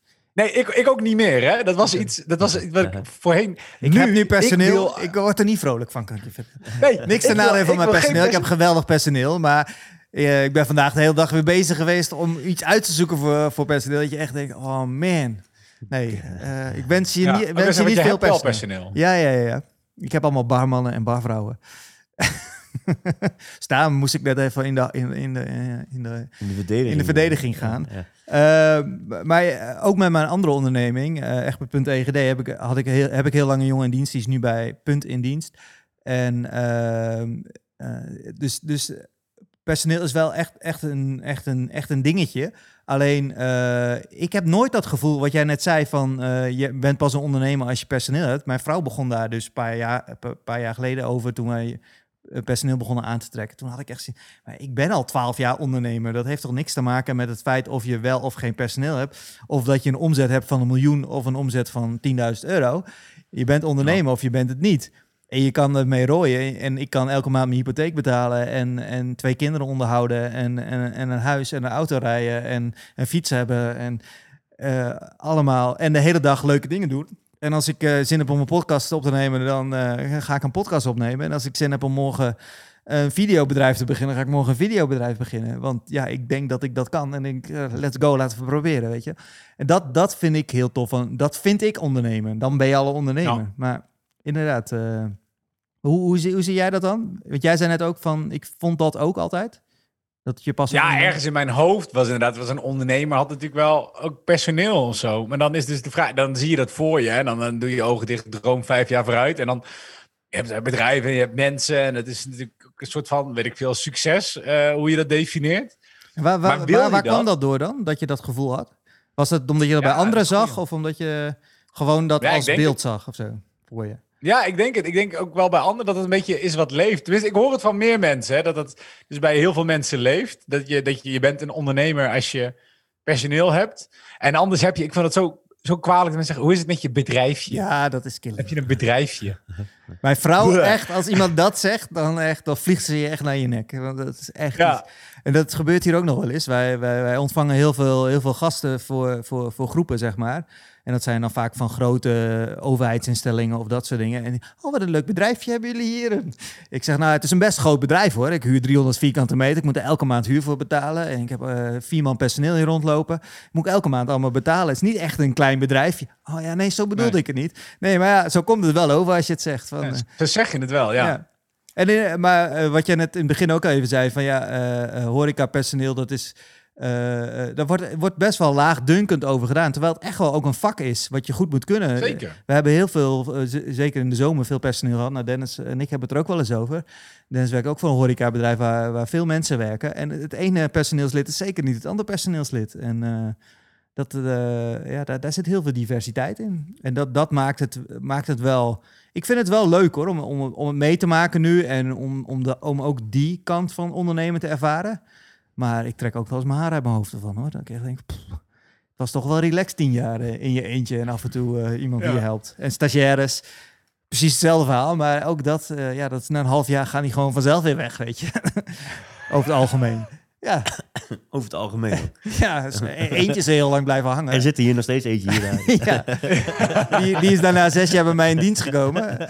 En de anderen zijn allemaal na een half jaar eh, Gillend met, weggelopen. met, eh, met veel plezier eh, afscheid genomen, om het zo maar te zeggen. Nee, nee, ja, ik, ik bedoel, ik wens je heel veel personeel toe. Ja, dat is het oude Chinese gezegde. Ik jou niet. maar jij hebt dus geen Nee. personeel, dus jij hebt een bedrijfje, zeg maar. Ja, ik heb een bedrijfje zelf. Ik, ik hobby een beetje. ja. En eh, Je hebt zo'n computer, zo'n internetbedrijf heb jij natuurlijk. Gewoon op het internet. Ja, dat stelt allemaal niet zoveel voor natuurlijk. Nee, nee, eigenlijk niet. Nee, ja, dat scheelt heel erg. En eh, ik laat mezelf heel graag eh, inhuren. En dan eh, heb ik wat mensen. Ik vind het wel leuk om mensen aan te sturen. Dus daar kan ik wel wat, wat in doen. En dat geeft mij eigenlijk de ideale combinatie. Want ik heb zelf niet de zorgen over al het personeel. Want uiteindelijk bedacht ik me inderdaad, ja. Het idee is leuk. Dat je, de enige reden dat je dit dan wil, is dat je tegen andere mensen soort van kan zeggen: Ja, ik ben een, ik ben een baas en ik heb personeel. En ik heb Terwijl- dat gevoel helemaal niet. Echt, Dat is een, nee, dat is ook een fucking ego-dingetje. Dat, je dat, dat, je dat, dat ik ooit zo gedacht heb. Maar ik denk dat er heel veel mensen zijn die ondernemen Ja. die zo denken. En dan denk je, ja, de reis ernaartoe. Dat betekent dat je al die mensen aan moet nemen. En die hebben allemaal hun eigen sores. En uiteindelijk ben je helemaal niet meer bezig met ondernemen. Ben je allemaal problemen voor hun aan het Ja. oplossen. En Ja, maar het voelt, ook echt, denk ik het dat voelt ook echt als een hele grote verantwoordelijkheid. Eh, Dennis, ik heb het daar ook wel zo in. Je hebt over zoveel huishoudens heb je een verantwoordelijkheid. En dat, dat is, eh, voelt ook wel, wel goed op een of andere manier. Dat je, dat, je, dat je dus mensen kan voorzien in brood. En, eh, eh, en, en eh, f- neg- ne- ook een heel groot gedeelte in dat je iets kan betekenen voor iemand anders. Als je een personeelslid aanneemt. Dat vind ik er heel mooi aan. Maar om nou te zeggen, god, god wat voel ik me nou opeens een baas omdat ik eh, eh, mensen op de loonlijst heb staan? Nee. Dat gevoel, he- ik heb dat helemaal niet. Ik heb daar helemaal geen... eh, Ik, ik vind ook niet, eh, als je een klein bedrijf hebt, dat je dan een kleinere ondernemer bent dan als je, als je een bedrijf hebt wat miljoenen omzet. Ja, ik geloof dat je echt wel eh, ehm, op, op een, op een nou, niet vergelijkbare manier, maar misschien wel. Het is, het, is, het is allebei gewoon hard werken. Jazeker. En eh, ja, hoe groter het wordt, hoe meer het, het alleen maar eh manager wordt. Of eh, inderdaad je alleen maar druk bent met probleempjes oplossen de hele dag. In plaats van eh, leuke, leuke nieuwe dingen verzinnen en creatief zijn. Ik ben toch ook wel een creatieveling. Ja. En ik vind het toch ook leuk om ze- zelf inderdaad met de handen in de klei te staan. En ook die kant van het bedrijf goed te blijven ervaren. In plaats van alleen maar van achter een laptop zeggen... we gaan vandaag dit doen, jongens. En allemaal die- de, met de neus die kant op. Nou ja, maar om dan even terug te komen bij het boek, dan doe je eigenlijk exact wat Mark Manson zegt. En dat is dat je zelf kan kiezen welke problemen jij op wil lossen. Ja, En dat dat uiteindelijk voor je geluk zorgt. Ja, ik, ik, eh, ik, vond het, ik vond het heel mooi om dat te lezen. Ik werd, eh, ik werd heel blij van het boek. Wat, wat, vond je, wat vonden jullie eigenlijk? Eh, Want jij zei, ik vind daar wel het een en ander van. Toen, toen jij zei van, dit lijkt me een leuk boek. Kan je nog iets, iets vinden? Vind eens iets. Vind eens iets. Dat is Ehm, een goede vraag, hè? Goede ja. podcast-vraag dit. Ja, vind joh, iets. dat is, eh, totaal niet Gooi- open- Open vraag. open- open. Gooi eens even een vind. eh, Wat Gooi is, eens een mening. is doe, het- eens- doe eens een mening. ik zal gewoon even een vraag stellen die in onze podcast gewoon terugkomt. Doe is, is, is dat beter? Doe maar. Is dit een boek voor in de kast eh, om uit te lenen of om eh, te bewaren? Snap je wat ik bedoel? eh, nou, ik heb de mijne uitgeleend, zei ik aan het begin. Ja. Dus dat is de optie die ik volgens mij moet kiezen. nou ja, moet- dit is wel een boek wat ik denk... eh, dit, is, weet je, een soort van instapboek in een soort van de zelfhulpwereld op een goede manier. Je, hebt mensen die af en toe dat je denkt, oké, weet je, volgens mij, je hebt mensen die natuurlijk van, van nature heel veel non-fictie lezen of niet. En je hebt wel eens eh, vrienden van je dat je denkt, joh, volgens mij haal je best wel wat waarde uit dit boek. En dan kan je iemand, eh, weet ik veel, The Power Within van Tony Robbins geven, wat 2000 pagina's super taaie kost is. Of je geeft ze dit boek. En omdat het best wel makkelijk leest, ik vind dat wel een soort van boek om uit te lenen. Ehm, ja, in zoverre. En het is wel iets wat ik nu in de kast heb staan, wat ik het gewoon een, wel een leuk boek vind. Dus hij houdt niet wel van de kleur er- oranje. Ja, lekker oranje, valt Ja. lekker op. Pas goed Ja, niet omdat huisstijl. is leuk tegen het blauw van de achtergrond. Ja, het even het blauw. Maar nee, ik, ik vind het heel leuk dat ik hem van Dennis heb kunnen lenen, maar ik zou het niet zelf in de kast hoeven, hoeven hebben. Ik vind het leuk om gelezen te hebben, maar het is ook voor mij nu wel, ja, er zit, zitten wat inzichten in en door. Nou, ik, ik, ik ben het met, eh met Matthijs eens dat dit, dit is een, een, een, een, een mooi startboek. Ja. Eh, of een eindboek. Dat je denkt, nou, dit is inderdaad het niveau tot waar ik, eh, waar ik accepteer dat iemand mij een bepaalde richting in duwt, maar, maar heel veel dieper hoef ik niet. Maar het is wel, eh, ik denk dat het bij, bij heel veel mensen een bepaald inzicht los kan maken. Eh, ook omdat hij dus inderdaad meer verhalend vertelt dan dat hij het echt soort van eh, belerend doet. Ehm, Ja. en, en het kan ook het randje, jou het randje overtillen. Je denkt, hier wil ik meer van, van, van lezen. Dus ik ga andere boeken om verdieping te zoeken. Hè, dus, dus, dus dan ga je misschien wel die dikke, dikke pillen eh, belezen. En dan kan dit, dit jouw opstapje zijn naar zulke boeken. Mhm. Ehm, maar eh, ik heb zelf ook wel eens, ik heb niet zoiets van, ik ga hem er nog een keertje bij pakken. Om nog eens een keer Nee. door te lezen. Dan, het, het kan wel een trigger zijn voor nieuwe boeken, dat wel. Dat je echt denkt, nou, dit, ik heb nou iets gevonden, ik heb een genre te pakken. Dit, dit vind ik interessant, hier ga ik eens op door. Dat wel. Dus ik, ik voel het wel als een trigger. En ik zou het mensen dus wel kunnen geven als ik denk van, nou... eh, Jij hebt een eh, trigger nodig. ja, ja, ja, precies. Of, of, of eh, eh, eh, ik denk dat, dat dit boek jou, jou, jou bepaalde inzichten kan geven die je helpen. Eh, eh, dus dat wel. Eh, eh, maar het is niet zo van eh top prioriteit boek, eh, zet hem bovenaan. Nee, dat niet. Nee, bij mij ook niet. En Nee. eh, wat vinden we van de voorkant? Kan je de voorkant nog even bijpakken? Heb je hem nog? De- ja, het, is een, het is een oranje boek dus, met zwarte letters. Ja. En dan fuck is met een spetter. Ja, het, Nou, is, het, is, Want het is natuurlijk wel Amerika. Het is Amerika. Fuck zomaar voluit gaan. Ja, want nu, Nee. nu ziet niemand dat daar fuck staat. nee, nee, nee, nee, nee, dat heeft hij goed verborgen. Eh, eh, ja, ja het, is, het is een duidelijke, duidelijke kaft. Dat is het enige wat ik erover kan zeggen. Een duidelijke kaft. Ja. Eh, Ik denk dat het vijf, het vijf, zes jaar geleden toen het uitkwam, toen viel het heel erg op. Je ziet dit nu veel meer. Ja. Ja, het is wel een beetje een... eh, hoe, heet, eh, eh, ehm, hoe heet het boek ook alweer? Eh, oh, eh, de meeste mensen deugen, voorkant. Die hebben ook een beetje zo die letters. Alleen dan niet Ja, zo oranje. beetje, een beetje correspondentachtig. Ja, een eh, beetje hoek. correspondentachtig. Ja, ja. Wat is eigenlijk de ondertitel? Ja. Want Dat zag ik net. Wat, wat, wat is de ondertitel? Eh, eh, a counterintuitive approach to living a good life. Nou, nou. Dus goed Ja. voor het goede leven. Nee, maar dus eh, eh, eh, eh, het is, een. eh, hij viel inderdaad knijtjaard op. Dat kan ik inderdaad ook zeggen. Dus toen ik hem heb gekocht, toen kocht ik hem ook omdat hij daar dus inderdaad keihard uit knalde. Ja, ontzettend in je ogen aan het prikken was. Zeker. Ja. En, en, en dus die Hij- zin, die zin is gewoon ook wel Ja. een soort van eh, het triggertje tot iets. Het Ja, toen je het art stuurde, had ik ook wel gelijk zoiets. En, het blijft ook hangen, die titel, op een Ja. of andere manier in je hoofd. Dus ik kende het boek wel. En toen dacht ik wel, oh ja, dat lijkt me wel grappig om dat te lezen. Ja. En helemaal niet, de, ik had niet het idee dat het een zelfhulpboek was, zoals jullie het eh, een paar keer nu hebben, hebben genoemd. Zo ervaar, ervaarde ik het niet, zeker toen ik het ging lezen. Ja, als je het nu zegt, dan kan ik me wel voorstellen, inderdaad, ja, er zitten wel inderdaad wel dingen in. Ja. Maar eh, het, ik, volgens mij had de vorige keer al eventjes, oh, ik vond het best wel op dat, eh, ja, er zit ook best wel veel eh, onderzoeken in en dat soort dingen. Een beetje Mm. zoals eh, de meeste mensen deugen. Beetje zo'n op, opzet had het wel. En Het leest net zo lekker weg, eigenlijk. Ja. Heb je de meeste Ja. mensen deugen ook gele, gele, gele, gele, gele- Eh, ik heb hem geaudioboekt. geaudio, Audio. audio geluisterd? Ja, audio geluisterd. dus nee, ja, inderdaad. Het is zo'nzelfde, zo'nzelfde insteek. Want het is niet hardcore zelfhulp met er zitten opdrachten in en je moet Nee. dit doen en je moet dat doen. Net als je zegt, het is een beetje verhalend. En het is... eh, Kijk eens naar je leven en ja, dit is een beetje wat de, wat de wetenschap erover zegt. Ja. Zo voelt het. Zo, en dat zit in dit boek ook. Nou, en, en, en ik vind dus dat het helpt dat het dus niet inderdaad zo heel erg belerend is. Absoluut. Ja. Daar heb ik soms ook wel En gewoon ja, heel relaxed. En ik vond het toen een hele goede, en dat is nog steeds wel, dat het eh, juist een beetje de, de counterculture is op, op eh, geluk. Ja. Alles moet geluk en Ja. je moet maar gelukkig zijn. En, en eh, de, alles op Instagram is geweldig en je hele leven is mooi. En Ja. ja, het is gewoon, het is veel meer down to earth. En dat, ik ga daar zelf veel beter op. En Ja. ik denk uiteindelijk heel veel andere mensen ook. Ja, nee, nee eh, oh, dat onderschrijf ik 100%. En hij heeft uiteindelijk, want hij heeft nog een vervolgboek geschreven, Everything is Fucked. Oh.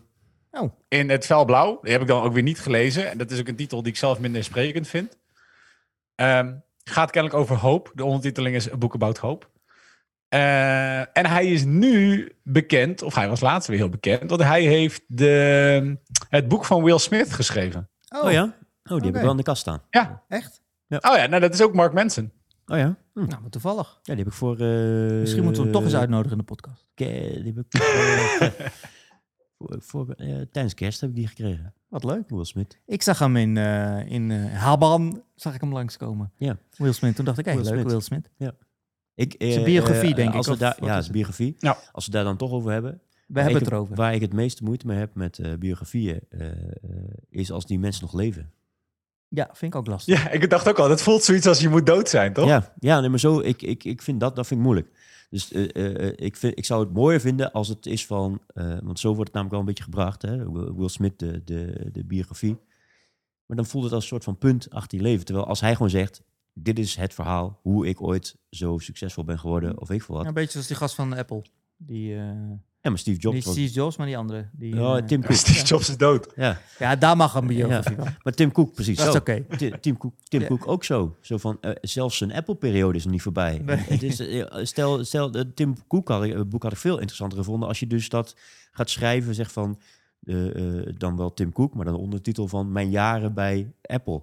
Dan, dan kader je het af, dan heb je het daarover en dan vind je het heel interessant. Alleen nu, dus ook met dat Tim Cook boek, ja, voelt het ook een beetje als, ja, hij, en hij leeft nog en hij werkt nog bij Apple. Dus je, je, eh, daar hebben we het wel vaak over gehad bij bepaalde boeken. Dat als je dus het eindstuk een beetje mist, of van Ja. het zeer recente eh, eh, eh, verleden, Mhm. dan, dan wordt zo'n boek al gauw eh, tikkeltje oninteressanter. Dat hebben we ook met de Facebook-boek gehad. Ja. Dat, dat eh voor mij dat boek wat wij toen hebben gelezen, dat hield op in 2012 of zo, Ik heb geen idee. 2015.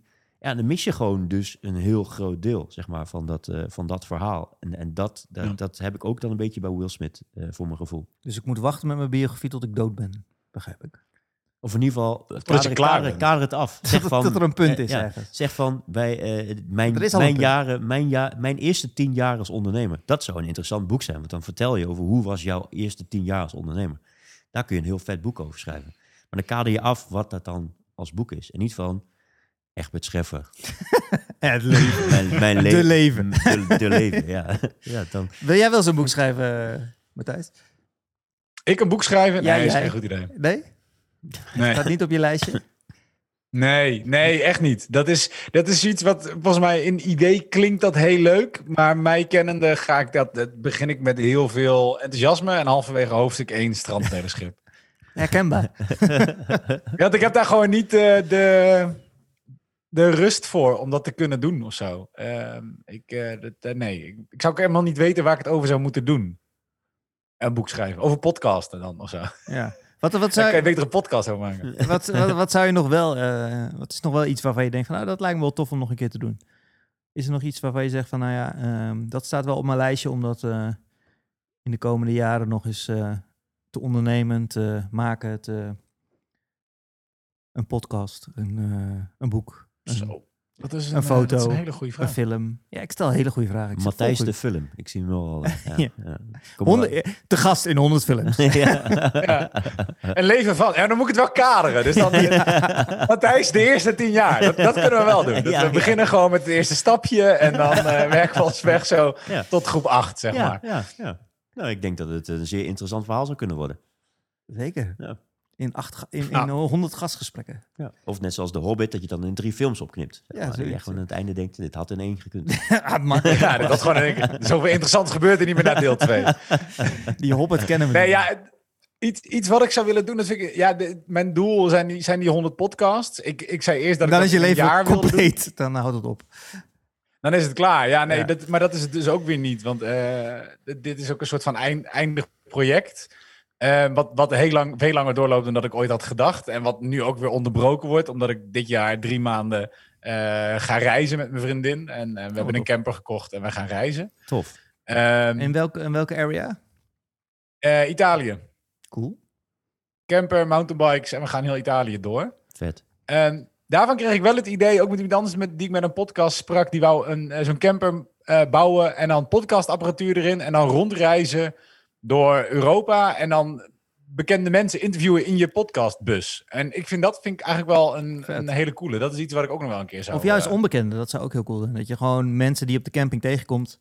Ja. En zegt, hey, ik heb podcastspullen in mijn busje. Wil je bij me komen in, op mijn podcast? Wil je Moet je, komen wel, moet, je wel, moet je wel een beetje Ja, is- oppassen met dat soort dingen. Ja. Hey, wil je bij mij in een busje komen podcasten? Dat is wel een beetje bijzonder. hè?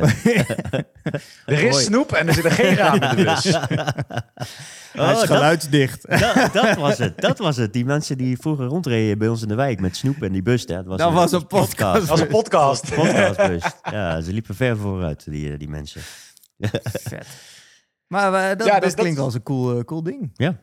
Ja, ja, dus dat is een, een cool project. Ja, ik ben, ik zie, ik ben heel erg van het ook een beetje zien wat er op mijn pad komt. Dus Ja. ik ben, eh, Geen planner. ja, ik, ik ze legt mezelf nooit al te veel vast. Ik heb een soort van stip op de horizon en ik ga die kant heen. Maar die stip die, die mag ook gerust van koers wijzigen als ik andere toffe dingen tegenkom. En wat is die stip dan? Heb je wel iets... Nou ja, iets dat was nu dus zegt 100 podcasts. Oh ja. Ehm, en dat, eh, nou, dat, dat onderbreek ik nou, omdat ik vind op dit moment... eh, die, reis van drie maanden vind ik cooler. En dat kan ik niet combineren met dit podcast. En dan ga ik daarna alweer door. Eh, maar ik kom ook in podcastland, dat vind ik het tof aan podcast. Ik kom uitsluitend leuke mensen tegen. Ehm, omdat leuke mensen hebben een podcast op een of andere manier. Eh, dus ik, ik spreek allemaal leuke mensen. En er komen ook weer haakjes en dingetjes Ja. vandaan. En, en ook weer dingen die je zakelijk op kan pakken. Of en mensen die je dan weer spreekt en zo. Dus het is... Wat, eh, vandaar dat ik mijn agenda altijd heel erg open hou. wat is eh, eh, een aantal bekende podcasts waar je in hebt gezeten tot nu toe? Voor de luisteraar, dat ze denken van... Oh, oh daar, daar zag ik hem ook. Daar hoorde ik hem ook. Daar was Daar hij heb ik hem ook gehoord. Eh, dat is een hele goeie. Ik denk dat een van de bekendste podcasts... Ik pak heel even de lijst erbij. Een van de bekendste podcasts waar ik in heb gezeten... is de 100% Inspiratie podcast van Thijs Lindhout. Dat dacht ik, ja, ja. Dat is wel een heel erg eh, beluisterde podcast... die heel erg over geluk en succes gaat. Hoe kwam je daar zo Eh, bij dus Ken je, hem, eh, ken je hem persoonlijk? Of was dat gewoon een belletje en... ik ga 100 podcast. Ik moet in de 100% podcast. Inspiratiepodcast. Nee, ik ken hem persoonlijk. Ik heb eh, een eh 2,5 jaar voor zijn bedrijf gewerkt... eh, als, als sales manager. Kijk. Dus dat was, een, dat was een leuke. Ik heb nu een andere, die is ook wel heel gaaf. Die staat. Eh, ja, net snap ik, online. snap ik, boekengasten, ja. Bijna online. Oh, sorry, ja. Nee, is ehm, eh, de podcast van Portretmakers. Ehm, en dat is wel een heel gaaf. eh, ja, die, die zijn net een tweede seizoen begonnen. Ehm, en zij maken eigenlijk podcasts, eigenlijk portretten, audio, videoportretten van mensen die vaak weten dat ze komen te overlijden. Of die een, heel groot, eh, een hele grote omslag in hun, in hun leven maken. Hm. Ehm, en daar interview ik de maker van, of eh, een van de, van de ondernemers achter portretmakers. En die heeft ook een nou, mega interessant verhaal hoe hij ooit eh, DJ was, toen een tijd militair is geweest op uitzending. En hij is nu zenleraar en ondernemer. En hij neemt nou, audioportretten af bij mensen die vaak weten dat ze binnenkort overlijden. Super indrukwekkend. Zo, dat is wel, ja. Ehm, ja, dat is een hele goeie. Ik heb, eh, nou, wat zijn nog meer echt bekende podcasts? De Tim Tom podcast is een Belgische podcast. Hm. Ehm, is daar een hele grote, hele grote podcast. Eh, onlangs hebben die in België ook het een en ander aan awards gewonnen. En in België is podcast echt nog veel kleiner dan in Nederland. Dus dat is dan wel heel grappig. Oké. Ze lopen er altijd een beetje achter. Beetje. Hm. Haal ons vanzelf in.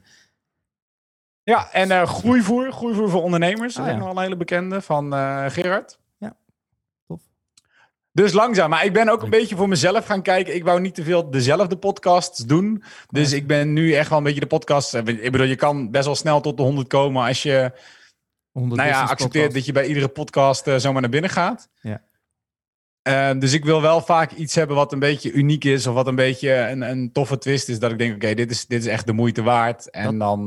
Dat was mijn volgende vraag. Wat, wat is het leukste concept waar je in hebt gezeten? Waarvan je zegt, ah, dat vind ik echt een tof concept, hoe, hoe die podcast is, is, is opgebouwd.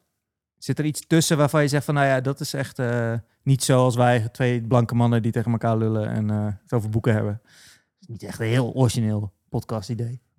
Vind je wel? Nee, dat, dit is, tot nu toe is het allemaal ruk. Nee, ehm, En nu ook nog met drie. Ja, het is niet, eh, niet heel bijster eh, origineel, zeg maar, om het zo te, zo te zeggen. Wel, eh, Ja. maar, eh, is, er een, is er een podcastconcept waar je zegt, dat vind ik echt een eh, goed doordacht podcastconcept waar ik, eh, waar ik blij van word? Oeh, ja, concept vind ik lastig. Want het concept blijft heel vaak. Omdat je toch. Kijk, dan zit je meer in bijvoorbeeld de, de, de echte audio-podcast. Of die, die verhalen vertellen of zo. En dat zijn niet podcasts waarbij ik snel Te de gast ben. Dat zijn heel snel toch interviews. Je hebt dan twee stijlen. Of je hebt echt een interview. Of je hebt wat ik meer noem lulkoek bij de koffie. Wat dit een beetje is. Weet je, je zit met z'n allen samen en je hebt het gewoon over een onderwerp. Ja. Ehm, dan heb ik het meer over degene die voor mij belangrijk waren. En dat is of portretmakers, omdat het gewoon best wel een zwaar onderwerp is. En Ja. ik vind de insteek van dat bedrijf heel gaaf. Ehm, en ik heb laatst ook een podcast gedaan, Blind Vertrouwen, van Oh. iemand die blind is. En die interviewt andere mensen die blind zijn of zeer slechtziend. En, en ondanks dat ehm, toch een hele bewonderenswaardige prestaties neerzetten. Nou, tof. En dat was heel cool. Ook omdat ik ben een halve dag met, eh, met hem opgetrokken. En, eh, en, en ik ben zelf eh, zeg maar helemaal met, met geblindeerde bril naar buiten gegaan. En heb toen als een blinde met hem een wandelingetje gemaakt en zijn hond. Ehm, en ja, dat, daar, daar vertellen we ook over in die podcast. Is misschien om, ja, ik weet niet in, in hoeverre dat in, in een uniek concept is, maar het was voor mij heel uniek om Ja, dat mee te wel, maken. wel En- een bijzonder, bijzonder onderwerp inderdaad, ja. ja, En ja zei dus nou dat is die, wel wat ik echt eh, vet vind. dat die portretmakers daar een onder- onderneming van gemaakt hebben? Dus die maken in opdracht, zeg maar, eh, een portret dan? Ja, ja, dus de meeste van de portretten die zij maken, die zijn ook niet, die, die komen niet online. Dat is gewoon echt voor eh, mensen zelf. Ja, ja. Maar dat is iemand die weet, nee, ik ben, ik ben terminaal ziek. En dan gaan zij langs vrienden en familie, daar halen ze vragen en verhalen op. En dan maken ze echt, dat is ook met video, maken ze drie uur lang een soort van portret waarbij ze iemand door, door zijn hele leven heen gaan en herinneringen ophalen en levenslessen en, en dat allemaal samenvatten. In een soort van mooie herinnering voor de mensen die, die natuurlijk achterblijven. Ja, tof. En, en op niet afscheid gerelateerd hebben ze het bijvoorbeeld ook gedaan voor eh, ondernemers die een familiebedrijf hebben en die dat, eh, die dat doorgeven. Ja. En dan een hele opname maken over nou, met welk idee ze ooit dat bedrijf begonnen zijn en hoe dat bedrijf door de jaren heen geëvalueerd is. En dat soort dingen. Dus het is echt een, ja, een afsluitende periode samenvatten in, in een videoportret. Ik vind het wel tof, want er wordt natuurlijk ook veel gesproken over hoe kan je met podcasten eh, geld verdienen. Of eh, dan zit je vaak in advertenties of in, eh, in vrienden en dat soort dingen. Ik vind dit ook Ja. wel weer een toffe... dat inspireert mijn ondernemershart. Ik vind dat, ik vind dat een toffe... toffe in- Kijk, ik heb wat spullen gekocht hier met mijn, met mijn horecabedrijf. En van de week heb ik voor het eerste keer deze spullen verhuurd aan een, aan een groot bedrijf hier in Deventer die ook een podcast wilde beginnen. En je kennis en passie en eh, eh, ehm, inspiratie over te brengen op, op dat soort mensen vind ik echt heel tof om te doen. En ja, daar verdien ik geld mee. Kijk, met dit gelulkoek inderdaad verdien je geen euro. Nou ja, alhoewel, onze vrienden, nogmaals bedankt, komen toch wat eurotjes binnen inmiddels. Maar ehm, dat is, dat is, dat is, ik vind het wel tof om dat te horen, dat er inderdaad een bedrijf is wat, en niet eens dat online zet inderdaad, maar gewoon juist een mooi portret, ma portret maken om, eh, om als document. Ik heb het zelf ook wel eens gedaan, wel echt tof, ja. Tof om, eh, om Ja, dus dat is wel, en dat is inderdaad, als je het hebt over geld verdienen, anders dan zit je heel snel aan de kant, nou, wat jij doet, spullen verhuren. Ja, En ik help ook wel eens op professioneel vlak bedrijven of mensen met het maken van een podcast. Eh, hè, van concepten tot opnemen tot eh, Mhm. een interviewer zijn. Ehm, en dan houdt het heel snel op qua. Het moet altijd, podcast dat het een soort van begin van, van uiteindelijk iets waar je of geld mee wil verdienen of waar je mensen heen wil leiden. Ehm, vooral omdat in Nederland vaak je publiek relatief klein is. Het is niet Amerika, Joe Rogan, je hebt eh 11 miljoen mensen die luisteren. En, en daardoor heb je heel veel geld. Ook van advertentieinkomsten bijvoorbeeld. mhm. Dat is hier gewoon nog wel heel anders. Daaraan zie je dat de Nederlandse podcastmarkt echt nog wel heel anders in elkaar zit dan, eh, dan wanneer je een Engelstalige podcast. Verwacht je daar nog iets van? De- wel- welke kant denk je dat het opgaat? De laatste was, eh, werd er gesproken over, eh, wat was er nou Een laatst soort, weer gebeurd? soort Netflix. eh, ja, podcast. Netflix-achtige podcast. eh, Po- Podimo of zo. ja, die, eh hoe heet die? eh, Alexander zit Alexander Klubbing, die doet daar de PR voor. Heb je, heb je dat meegekregen? Komt vanuit Denemarken is dat. Dus dat is een bedrijf die dus inderdaad als een soort Netflix eh, eh, voor 5 euro in de maand kun je dan eh, toffe podcasts luisteren op hun platform. Maar daar betaal je dus eh eh 5 euro in de maand voor. En daar, daarachter zitten dus allerlei podcasts die betaald worden door dat bedrijf. Mhm. Eh, ja. Nou, Denk je dat die kant op gaat? ja, ik, dat, ik denk op zich wel dat het een goede zou zijn. Ik vraag me af in hoeverre dat zou werken ten opzichte van bijvoorbeeld een vrienden van de show. Ja. Want dan, eh, als je ook extra content krijgt, hoeveel verschillende podcasts luister je uiteindelijk in totaal? Ik zit best wel in het podcastland, maar ik heb ook maar een paar vaste. En andere waarvan je één of twee afleveringen luistert. Ehm, ik denk dat mensen dan eerder geneigd zijn om echt een podcast te sponsoren die zij echt volgen voor de extra content die ze krijgen. Dan dat mensen misschien heel erg geneigd zijn om eh, em, weer een abonnement af te sluiten voor iets. Ehm, ik denk wel dat het aan de andere kant voor podcastmakers een goede zou zijn. Want in Nederland ja, is het gewoon heel lastig om geld te verdienen met een podcast. Eigenlijk is het allemaal hobbymatig. Tot het punt dat je, dat je heel groot bent, eh Allah, weet ik veel, man, man, man, de podcast. Maar je ziet ook die gasten die doen er theatershows en boeken en bier allemaal omheen. Omdat de podcast zelf uiteindelijk ook nog best klein blijft, weet je. Ja. Ja. En, eh, en zoiets als eh, eh, per geluisterd iets, zoals bij Spotify of iets dergelijks, denk je, denk je dat zoiets eh, die kant op zou kunnen gaan? Of denk je... Ja, het zou zeker die kant op kunnen gaan. Ik denk alleen dat voor podcastmakers, als je ook bij Spotify hoort hoeveel een artiest uiteindelijk betaald krijgt iedere keer dat ze een liedje wordt is afgespeeld. niet veel, nee. Dat is 0,000033 cent of zo. Ja, dat krijg je dan bij podcasts ook. Ja, per uur. Moet je per minuut betaald worden. Ja. Ja, Eh, dus ik, nee, ik denk wel dat het zo'n kant op gaat. Gewoon omdat alles gaat richting een abonnementendienst. Maar ik weet niet in hoeverre de, een Netflix-achtig abonnement het heel erg gaat winnen van mensen die gewoon puur willen betalen voor eh, een eh, extra content als vrienden van de show of Patreon of noem het maar.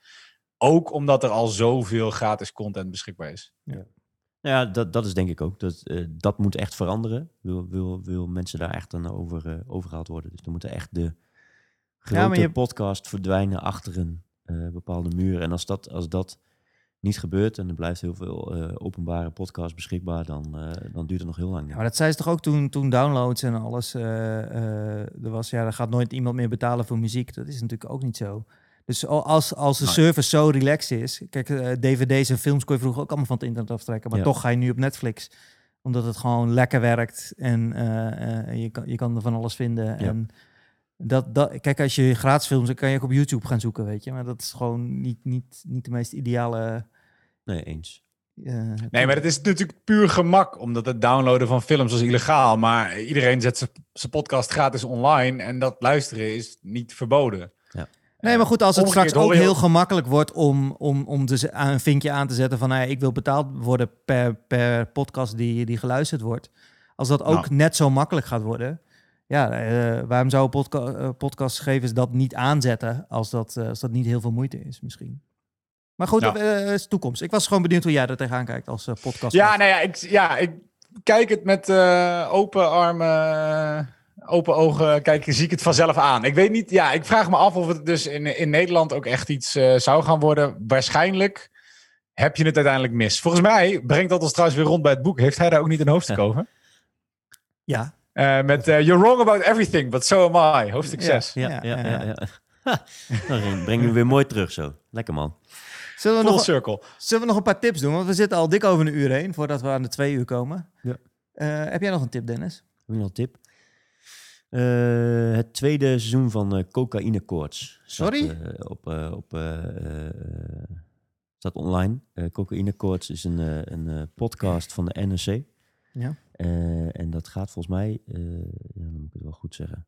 Ik vind het zo'n, het is een verhalende podcast, dus het is eigenlijk, eh, er wordt een verhaal verteld. dus het is, het is een beetje een luistervariant. Ehm even kijken hier.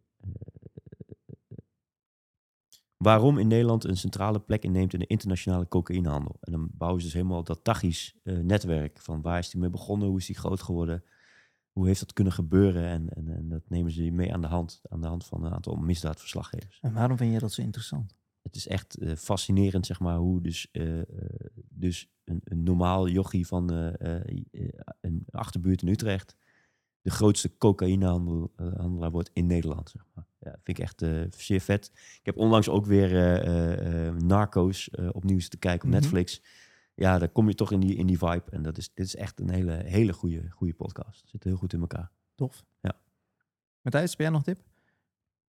Moet- Eh, op podcastniveau? Ah, alles, mag alles. Boeken, films, televisie.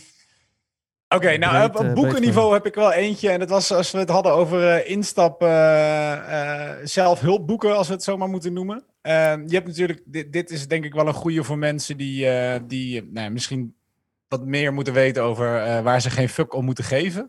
Een andere, als je iemand hebt waarbij je denkt, eh, die is niet van dezelfde, maar die zit een beetje op, die moet een grote beslissing nemen. Dus of hè, die is ingenieur en die wil misschien barman worden, maar die durft die stap niet te zetten. Mooi, of die mooi, zit in een relatie.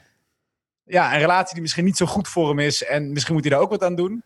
Is het boek Who Moved My Cheese? Dat is een boek van 100 bladzijden. En het zijn kleine bladzijdertjes. Je hebt het in een anderhalf uur heb je het gelezen. En het is een boek en het gaat over eh, een viertal muizen die op zoek zijn naar kaas. En dan denk je, nou, wat voor impact kan dit boek hebben? Er zijn weinig boeken die zoveel impact hebben gehad op mij dan het lezen van, eh, van Who Moved My Cheese. En dat hoor je overal op internet van heel veel mensen. Tof. En- Is het een Engelstalig boek dan ook? Ja, ja, Engelstalig boek. Ik weet niet of er een Nederlandse versie eigenlijk van is. Eh, maar ja, het is zo geschreven, zeg maar, je hebt, je hebt vier muizen. Ze zijn allemaal, staat het voor een bepaalde manier van hoe je als persoon kan zijn. En hoe je omgaat met een bepaalde verandering. En door je dat te lezen, identificeer je jezelf met een van die muizen. En dat helpt je altijd een beetje naar een soort van beslissing toe op waar je op dat moment mee zit. Heel leuk. Echt geniaal geschreven. Ik, Ja. ik snap niet dat iemand dat in zo'n klein verhaal kan doen. Oké. Ja, Ja, nieuwsgierig. Ja, zeker. Ja. Ja, en op podcastniveau eh My First Million.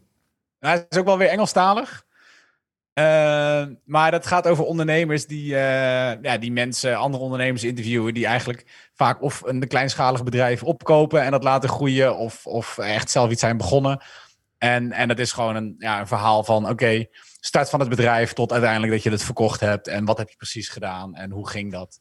Eh, zonder dat het heel protserig is, dus juist heel erg veel meer met vallen en opstaan... En, en wat heb je gedaan of niet? Maar daar zitten gewoon wel hele toffe afleveringen tussen. En eh, ja, vind ik Tof. gewoon interessant. Tof, klinkt goed. Ehm, ik wou nog wel even de eh, mooiste kop nu, docu van Stix, even eh, droppen. is een rapper, Stix, ken? Uit Zwolle? Nee, van Opgezwollen. Eerlijk gezegd. Ja, opgezwollen ken ik wel, ja. Nou, dat is Stix. En die eh, eh, was Nee een, joh. een documentaire, eh, Het mooiste komt nu, ehm, op 101 bars. Echt heel tof gedraaid. Eh, zeker een tip om te kijken. Staat op eh, YouTube gewoon. Kan je gewoon kijken. Ja, hoef je niet veel moeite voor te doen. Kan je gewoon. En ik heb een film gekeken op Netflix. The Girl in the Yellow Jumper. Als je een Netflix tip wil, die gaan checken. Vet film. Echt bizar verhaal. Waar je ingezogen wordt. En dat je echt denkt, waar zit ik naar te kijken? En waar kom ik nu terecht? En hoe, hoe gaat dit eindigen? En dan eindigt het. En dan begint de film eigenlijk weer in je hoofd te draaien. Nou ja, ik hou van dat soort films. Snap je wat ik bedoel te zeggen of niet?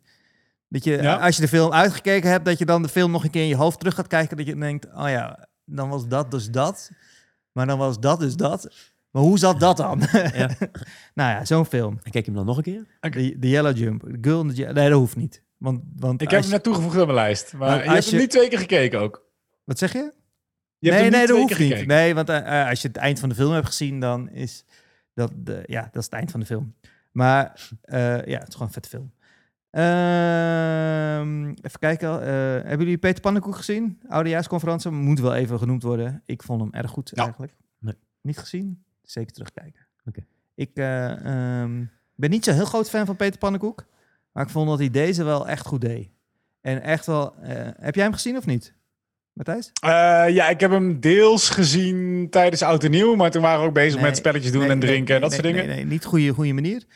Altijd. Nee, je moet hem echt... Nieuwjaarsconferentie, de dag daarna lekker brak. Nee, ik ben niet meer brak, want kinderen en alles. Dus, eh, maar goed, de dag daarna gewoon lekker relaxed, dat je goed kan luisteren wat hij zegt. En hij heeft echt een, hij heeft iets over, een, over, over het knopje van, de, ehm, van, de, eh, eh, van het stoplicht, van het fietsstoplicht. En die metafoor, die is echt geniaal. Die had ik graag met jullie besproken, maar omdat jullie het niet gezien hebben, is het leuker om eerst te kijken. Oké. Ehm, Kom op terug. Dat je dan nu zelf voor het stoplicht staat en dan zit te denken van ja, moet ik nou op dat knopje drukken of niet? En eh, ja, dat haalt hij op een gegeven moment weer zo goed terug. En echt de, de wereld waar we op dit moment in zitten, door corona en alle shit en alle ellende. En ehm, zonder dat hij dat de hele tijd zegt, zeg maar. Maar dat, eh, ehm, ja, hij doet dat heel tof. Zeker terugkijken kijken waard. En ik ben van de week begonnen in het verhaal van Nederland op NPO 1. Hebben jullie daar al wat van meegekregen? Ik zie, ik zie wel eh, eh, reclames voorbij komen de hele tijd. En het ziet er wel eh, tof uit. Heb jij daar al iets van meegekregen, Matthijs? Nee, ja, ik heb ook in de reclame ervan gezien. Maar ik heb verder nog niks... eh, Met Daan Schuurmans, toch? Ja. Ja. En het is, het is dus het geschiedenisverhaal van Nederland. Van Costa. hij, En doet, van Mokromafia. hij doet ook Costa.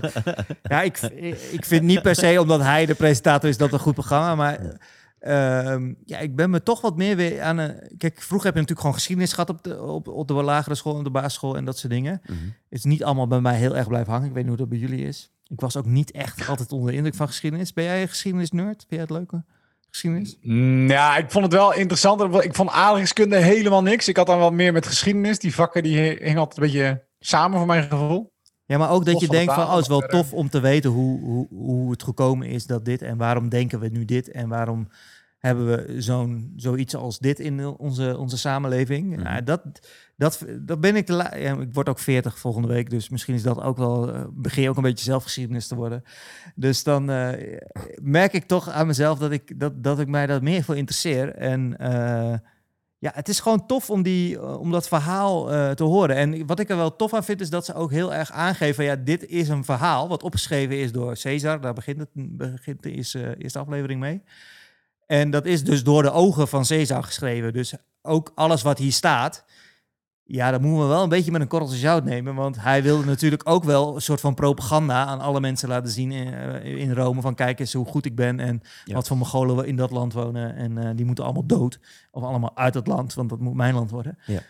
En eh, eh, dat vind ik er wel heel tof aan. Dat was vroeger in de geschiedenis natuurlijk niet. Er werd gewoon gezegd, ja, Caesar heeft dit gezegd. En dan was dat ook zo. En dat was het. Ja. En dat, dat merk je nu wel, dat, dat geschiedenis wel een beetje ehm, herschreven begint te worden. Of in elk geval die bijzinnen er nu bij gaan komen van... ja, dit is wel de blik van iemand die met deze woorden... eh, andere mensen wilde overtuigen van zijn gelijk. Of van, van, van wat, hij vond, wat hij vond dat het moest zijn, zeg maar.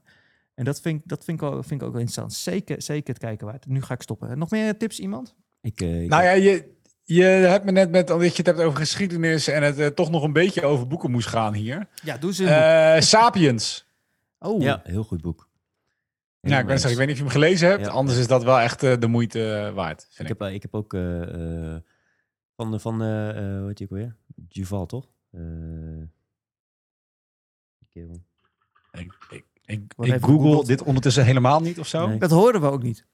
Ik had, geen ik had geen idee. Yuval Noah Harari. Harari, precies. Ik heb, al, ik heb eh, drie boeken van hem. Eh de Sapiens, Homo Deus en Homo... eh, nog één. Dus eh, hij heeft drie boeken geschreven. Eh, alle drie, Ja. stuk voor stuk, eh, briljante verhalen. En dat gaat dan over de, eh, dat hoe, wa- verhaal. hoe, zijn we, eh, hoe zijn we zo geworden zoals we nu zijn als mens? en Eh, dat wordt verteld aan de hand van een verhaal? Of wordt het dan ja, uitgelegd? verhaal- verhalende v- vorm, helemaal een geschiedenisles als het ware. Van hoe zijn we zo gekomen? En hij heeft een soort van toekomstbeeld. Heeft hij ook een boek over geschreven. Dat is dus ook een van zijn vervolgboeken.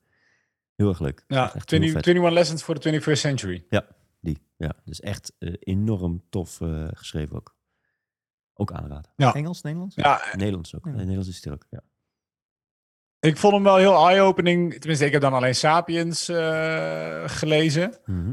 Ehm, dat, je, dat je ziet hoe, ehm, eh, vooral hoe culturen zijn ontstaan en hoe je een beetje die tribes hebt die je nu hebt. Want het Ja. is nog steeds, ja, dat is altijd al een beetje een, een happening ding geweest. Maar je hebt natuurlijk, tegenwoordig is, is is best wel dingen zijn heel tribal. En dan heb je het niet alleen over eh, de verdeling die je hebt in de maatschappij op een politiek niveau en op niveau van huidskleur en op niveau van geloof en dat soort dingen. En daar legt hij wel heel erg uit hoe dat ooit ontstaan is en waarom dat ontstaan is. En dat er ook achter die hele tribalism, dat daar gewoon eh, ja, een soort van overlevingsnoodzaak zit. Ja, ja. En hoe dat komt. En dat was voor mij ook wel dat je. Ik kan niet zo 1, 2, 3 opnoemen welke inzichten je er allemaal uithaalt, maar wel dat je op een nieuwe manier er weer gaat kijken naar ook de samenleving nu. Absoluut. Het is niet alleen maar geschiedenis. Maar dan, en dan zou ik je ook echt aanraden om die andere twee boeken van hem te lezen. Echt, eh, Moeten we een Zeer- keer een eh, podcast over maken? ja, dat is echt, echt Ja, zeer zou goede leuk boeken. zijn. Zeer goede boeken. Ja. Moet ik ze eerst lezen? Dus ik, Ja, moet, moet ik ze ja, het zijn wel drie boeken. Ja? Dikke boeken? Eh, Ja, zijn niet dun. Zijn niet dun. Jezus. Nou, nu al zin in de vakantie.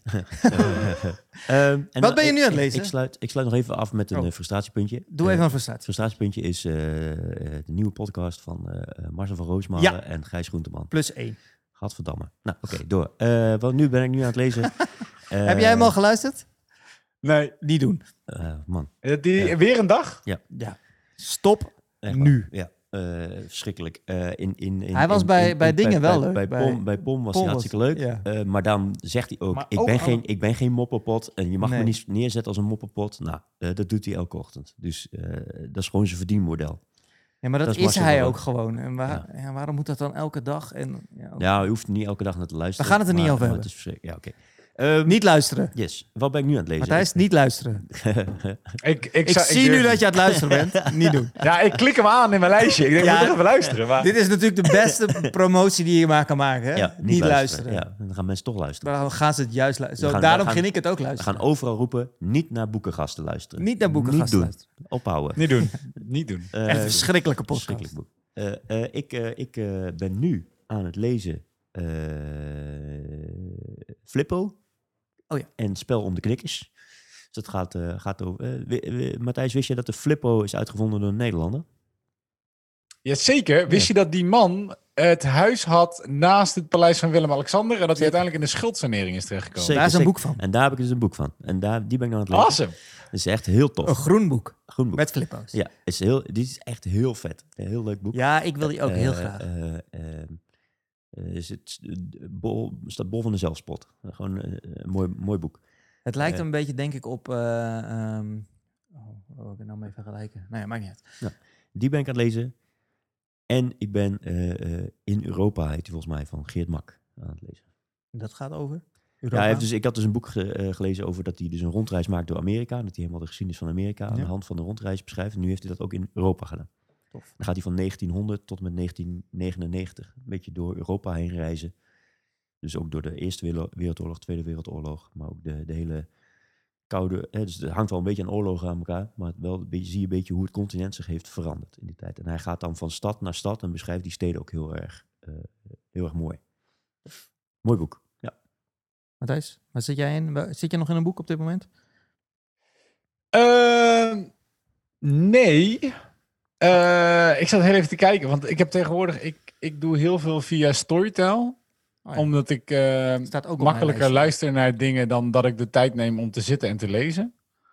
Eh, dus ik zat heel even te kijken wat ik nog op mijn boekenplank heb staan. Mijn boekenplank op Storytel die is altijd, die groeit veel harder dan dat, die, eh, dan dat ik hem af kan luisteren. Nou, dat is de, denk denk ik wel gunstiger, is. gunstiger voor jouw portemonnee dan mijn, zeg maar. Dus bij mij groeit hij ook, En- maar dat is een huis. fysieke, fysieke boekenplank. Dus dat is, eh, ja. Eh, ja, nou, een boek waar ik in begon, dat, die vind ik wel heel leuk, is eh, En ze filosoferen nog lang en gelukkig. Van? Van Elke Wis. Oké. En zij heeft het boek geschreven Socrates op sneakers. Oh ja. Dat- Die, die titel ken ik. Eh, ja, ik wil zeggen, als je die niet hebt gelezen, dan is dat echt de moeite waard.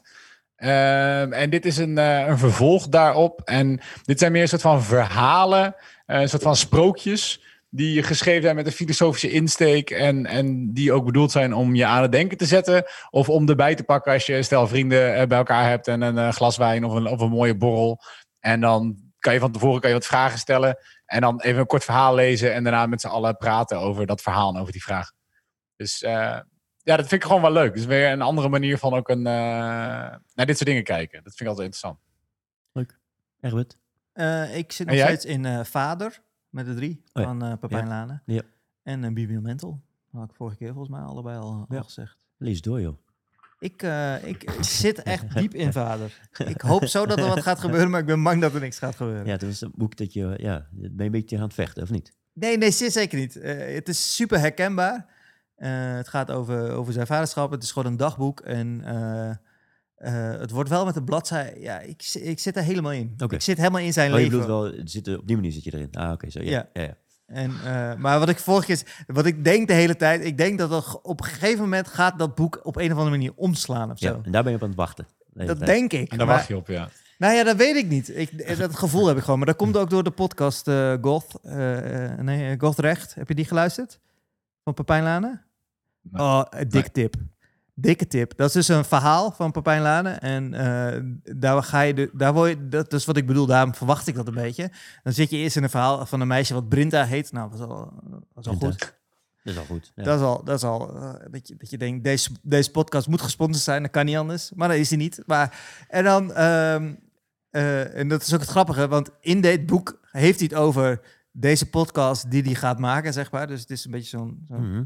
en maar op een gegeven moment komen de kopieerapparaten die tot leven komen en, eh, en blikjes eh, koffie die, eh, die uit, uit de vloer komen. En dan gaat het alle kanten op.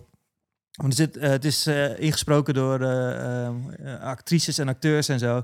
En dat is zo vet gedaan, met heel veel achtergrond. Als je dat buiten, ik weet niet of je wel eens wandelt. Corona is bijna voorbij, maar als, je, als je wel eens wandelt, dan is, is dat leuk. En dan op een gegeven moment hoor je, het is, het is goed gedaan. Dus je hoort dan ergens achter in je achtergeluid van je koptelefoon, hoor je een geluid dat je denkt, er zit iets achter me, of wat is dit? Het is ja, echt geniaal podcast. En dat verwacht, En dat verwacht je in het boek dat ook. weet ik niet of dat in het boek gaat. Ik denk het niet, maar eh, Je zit op te wachten.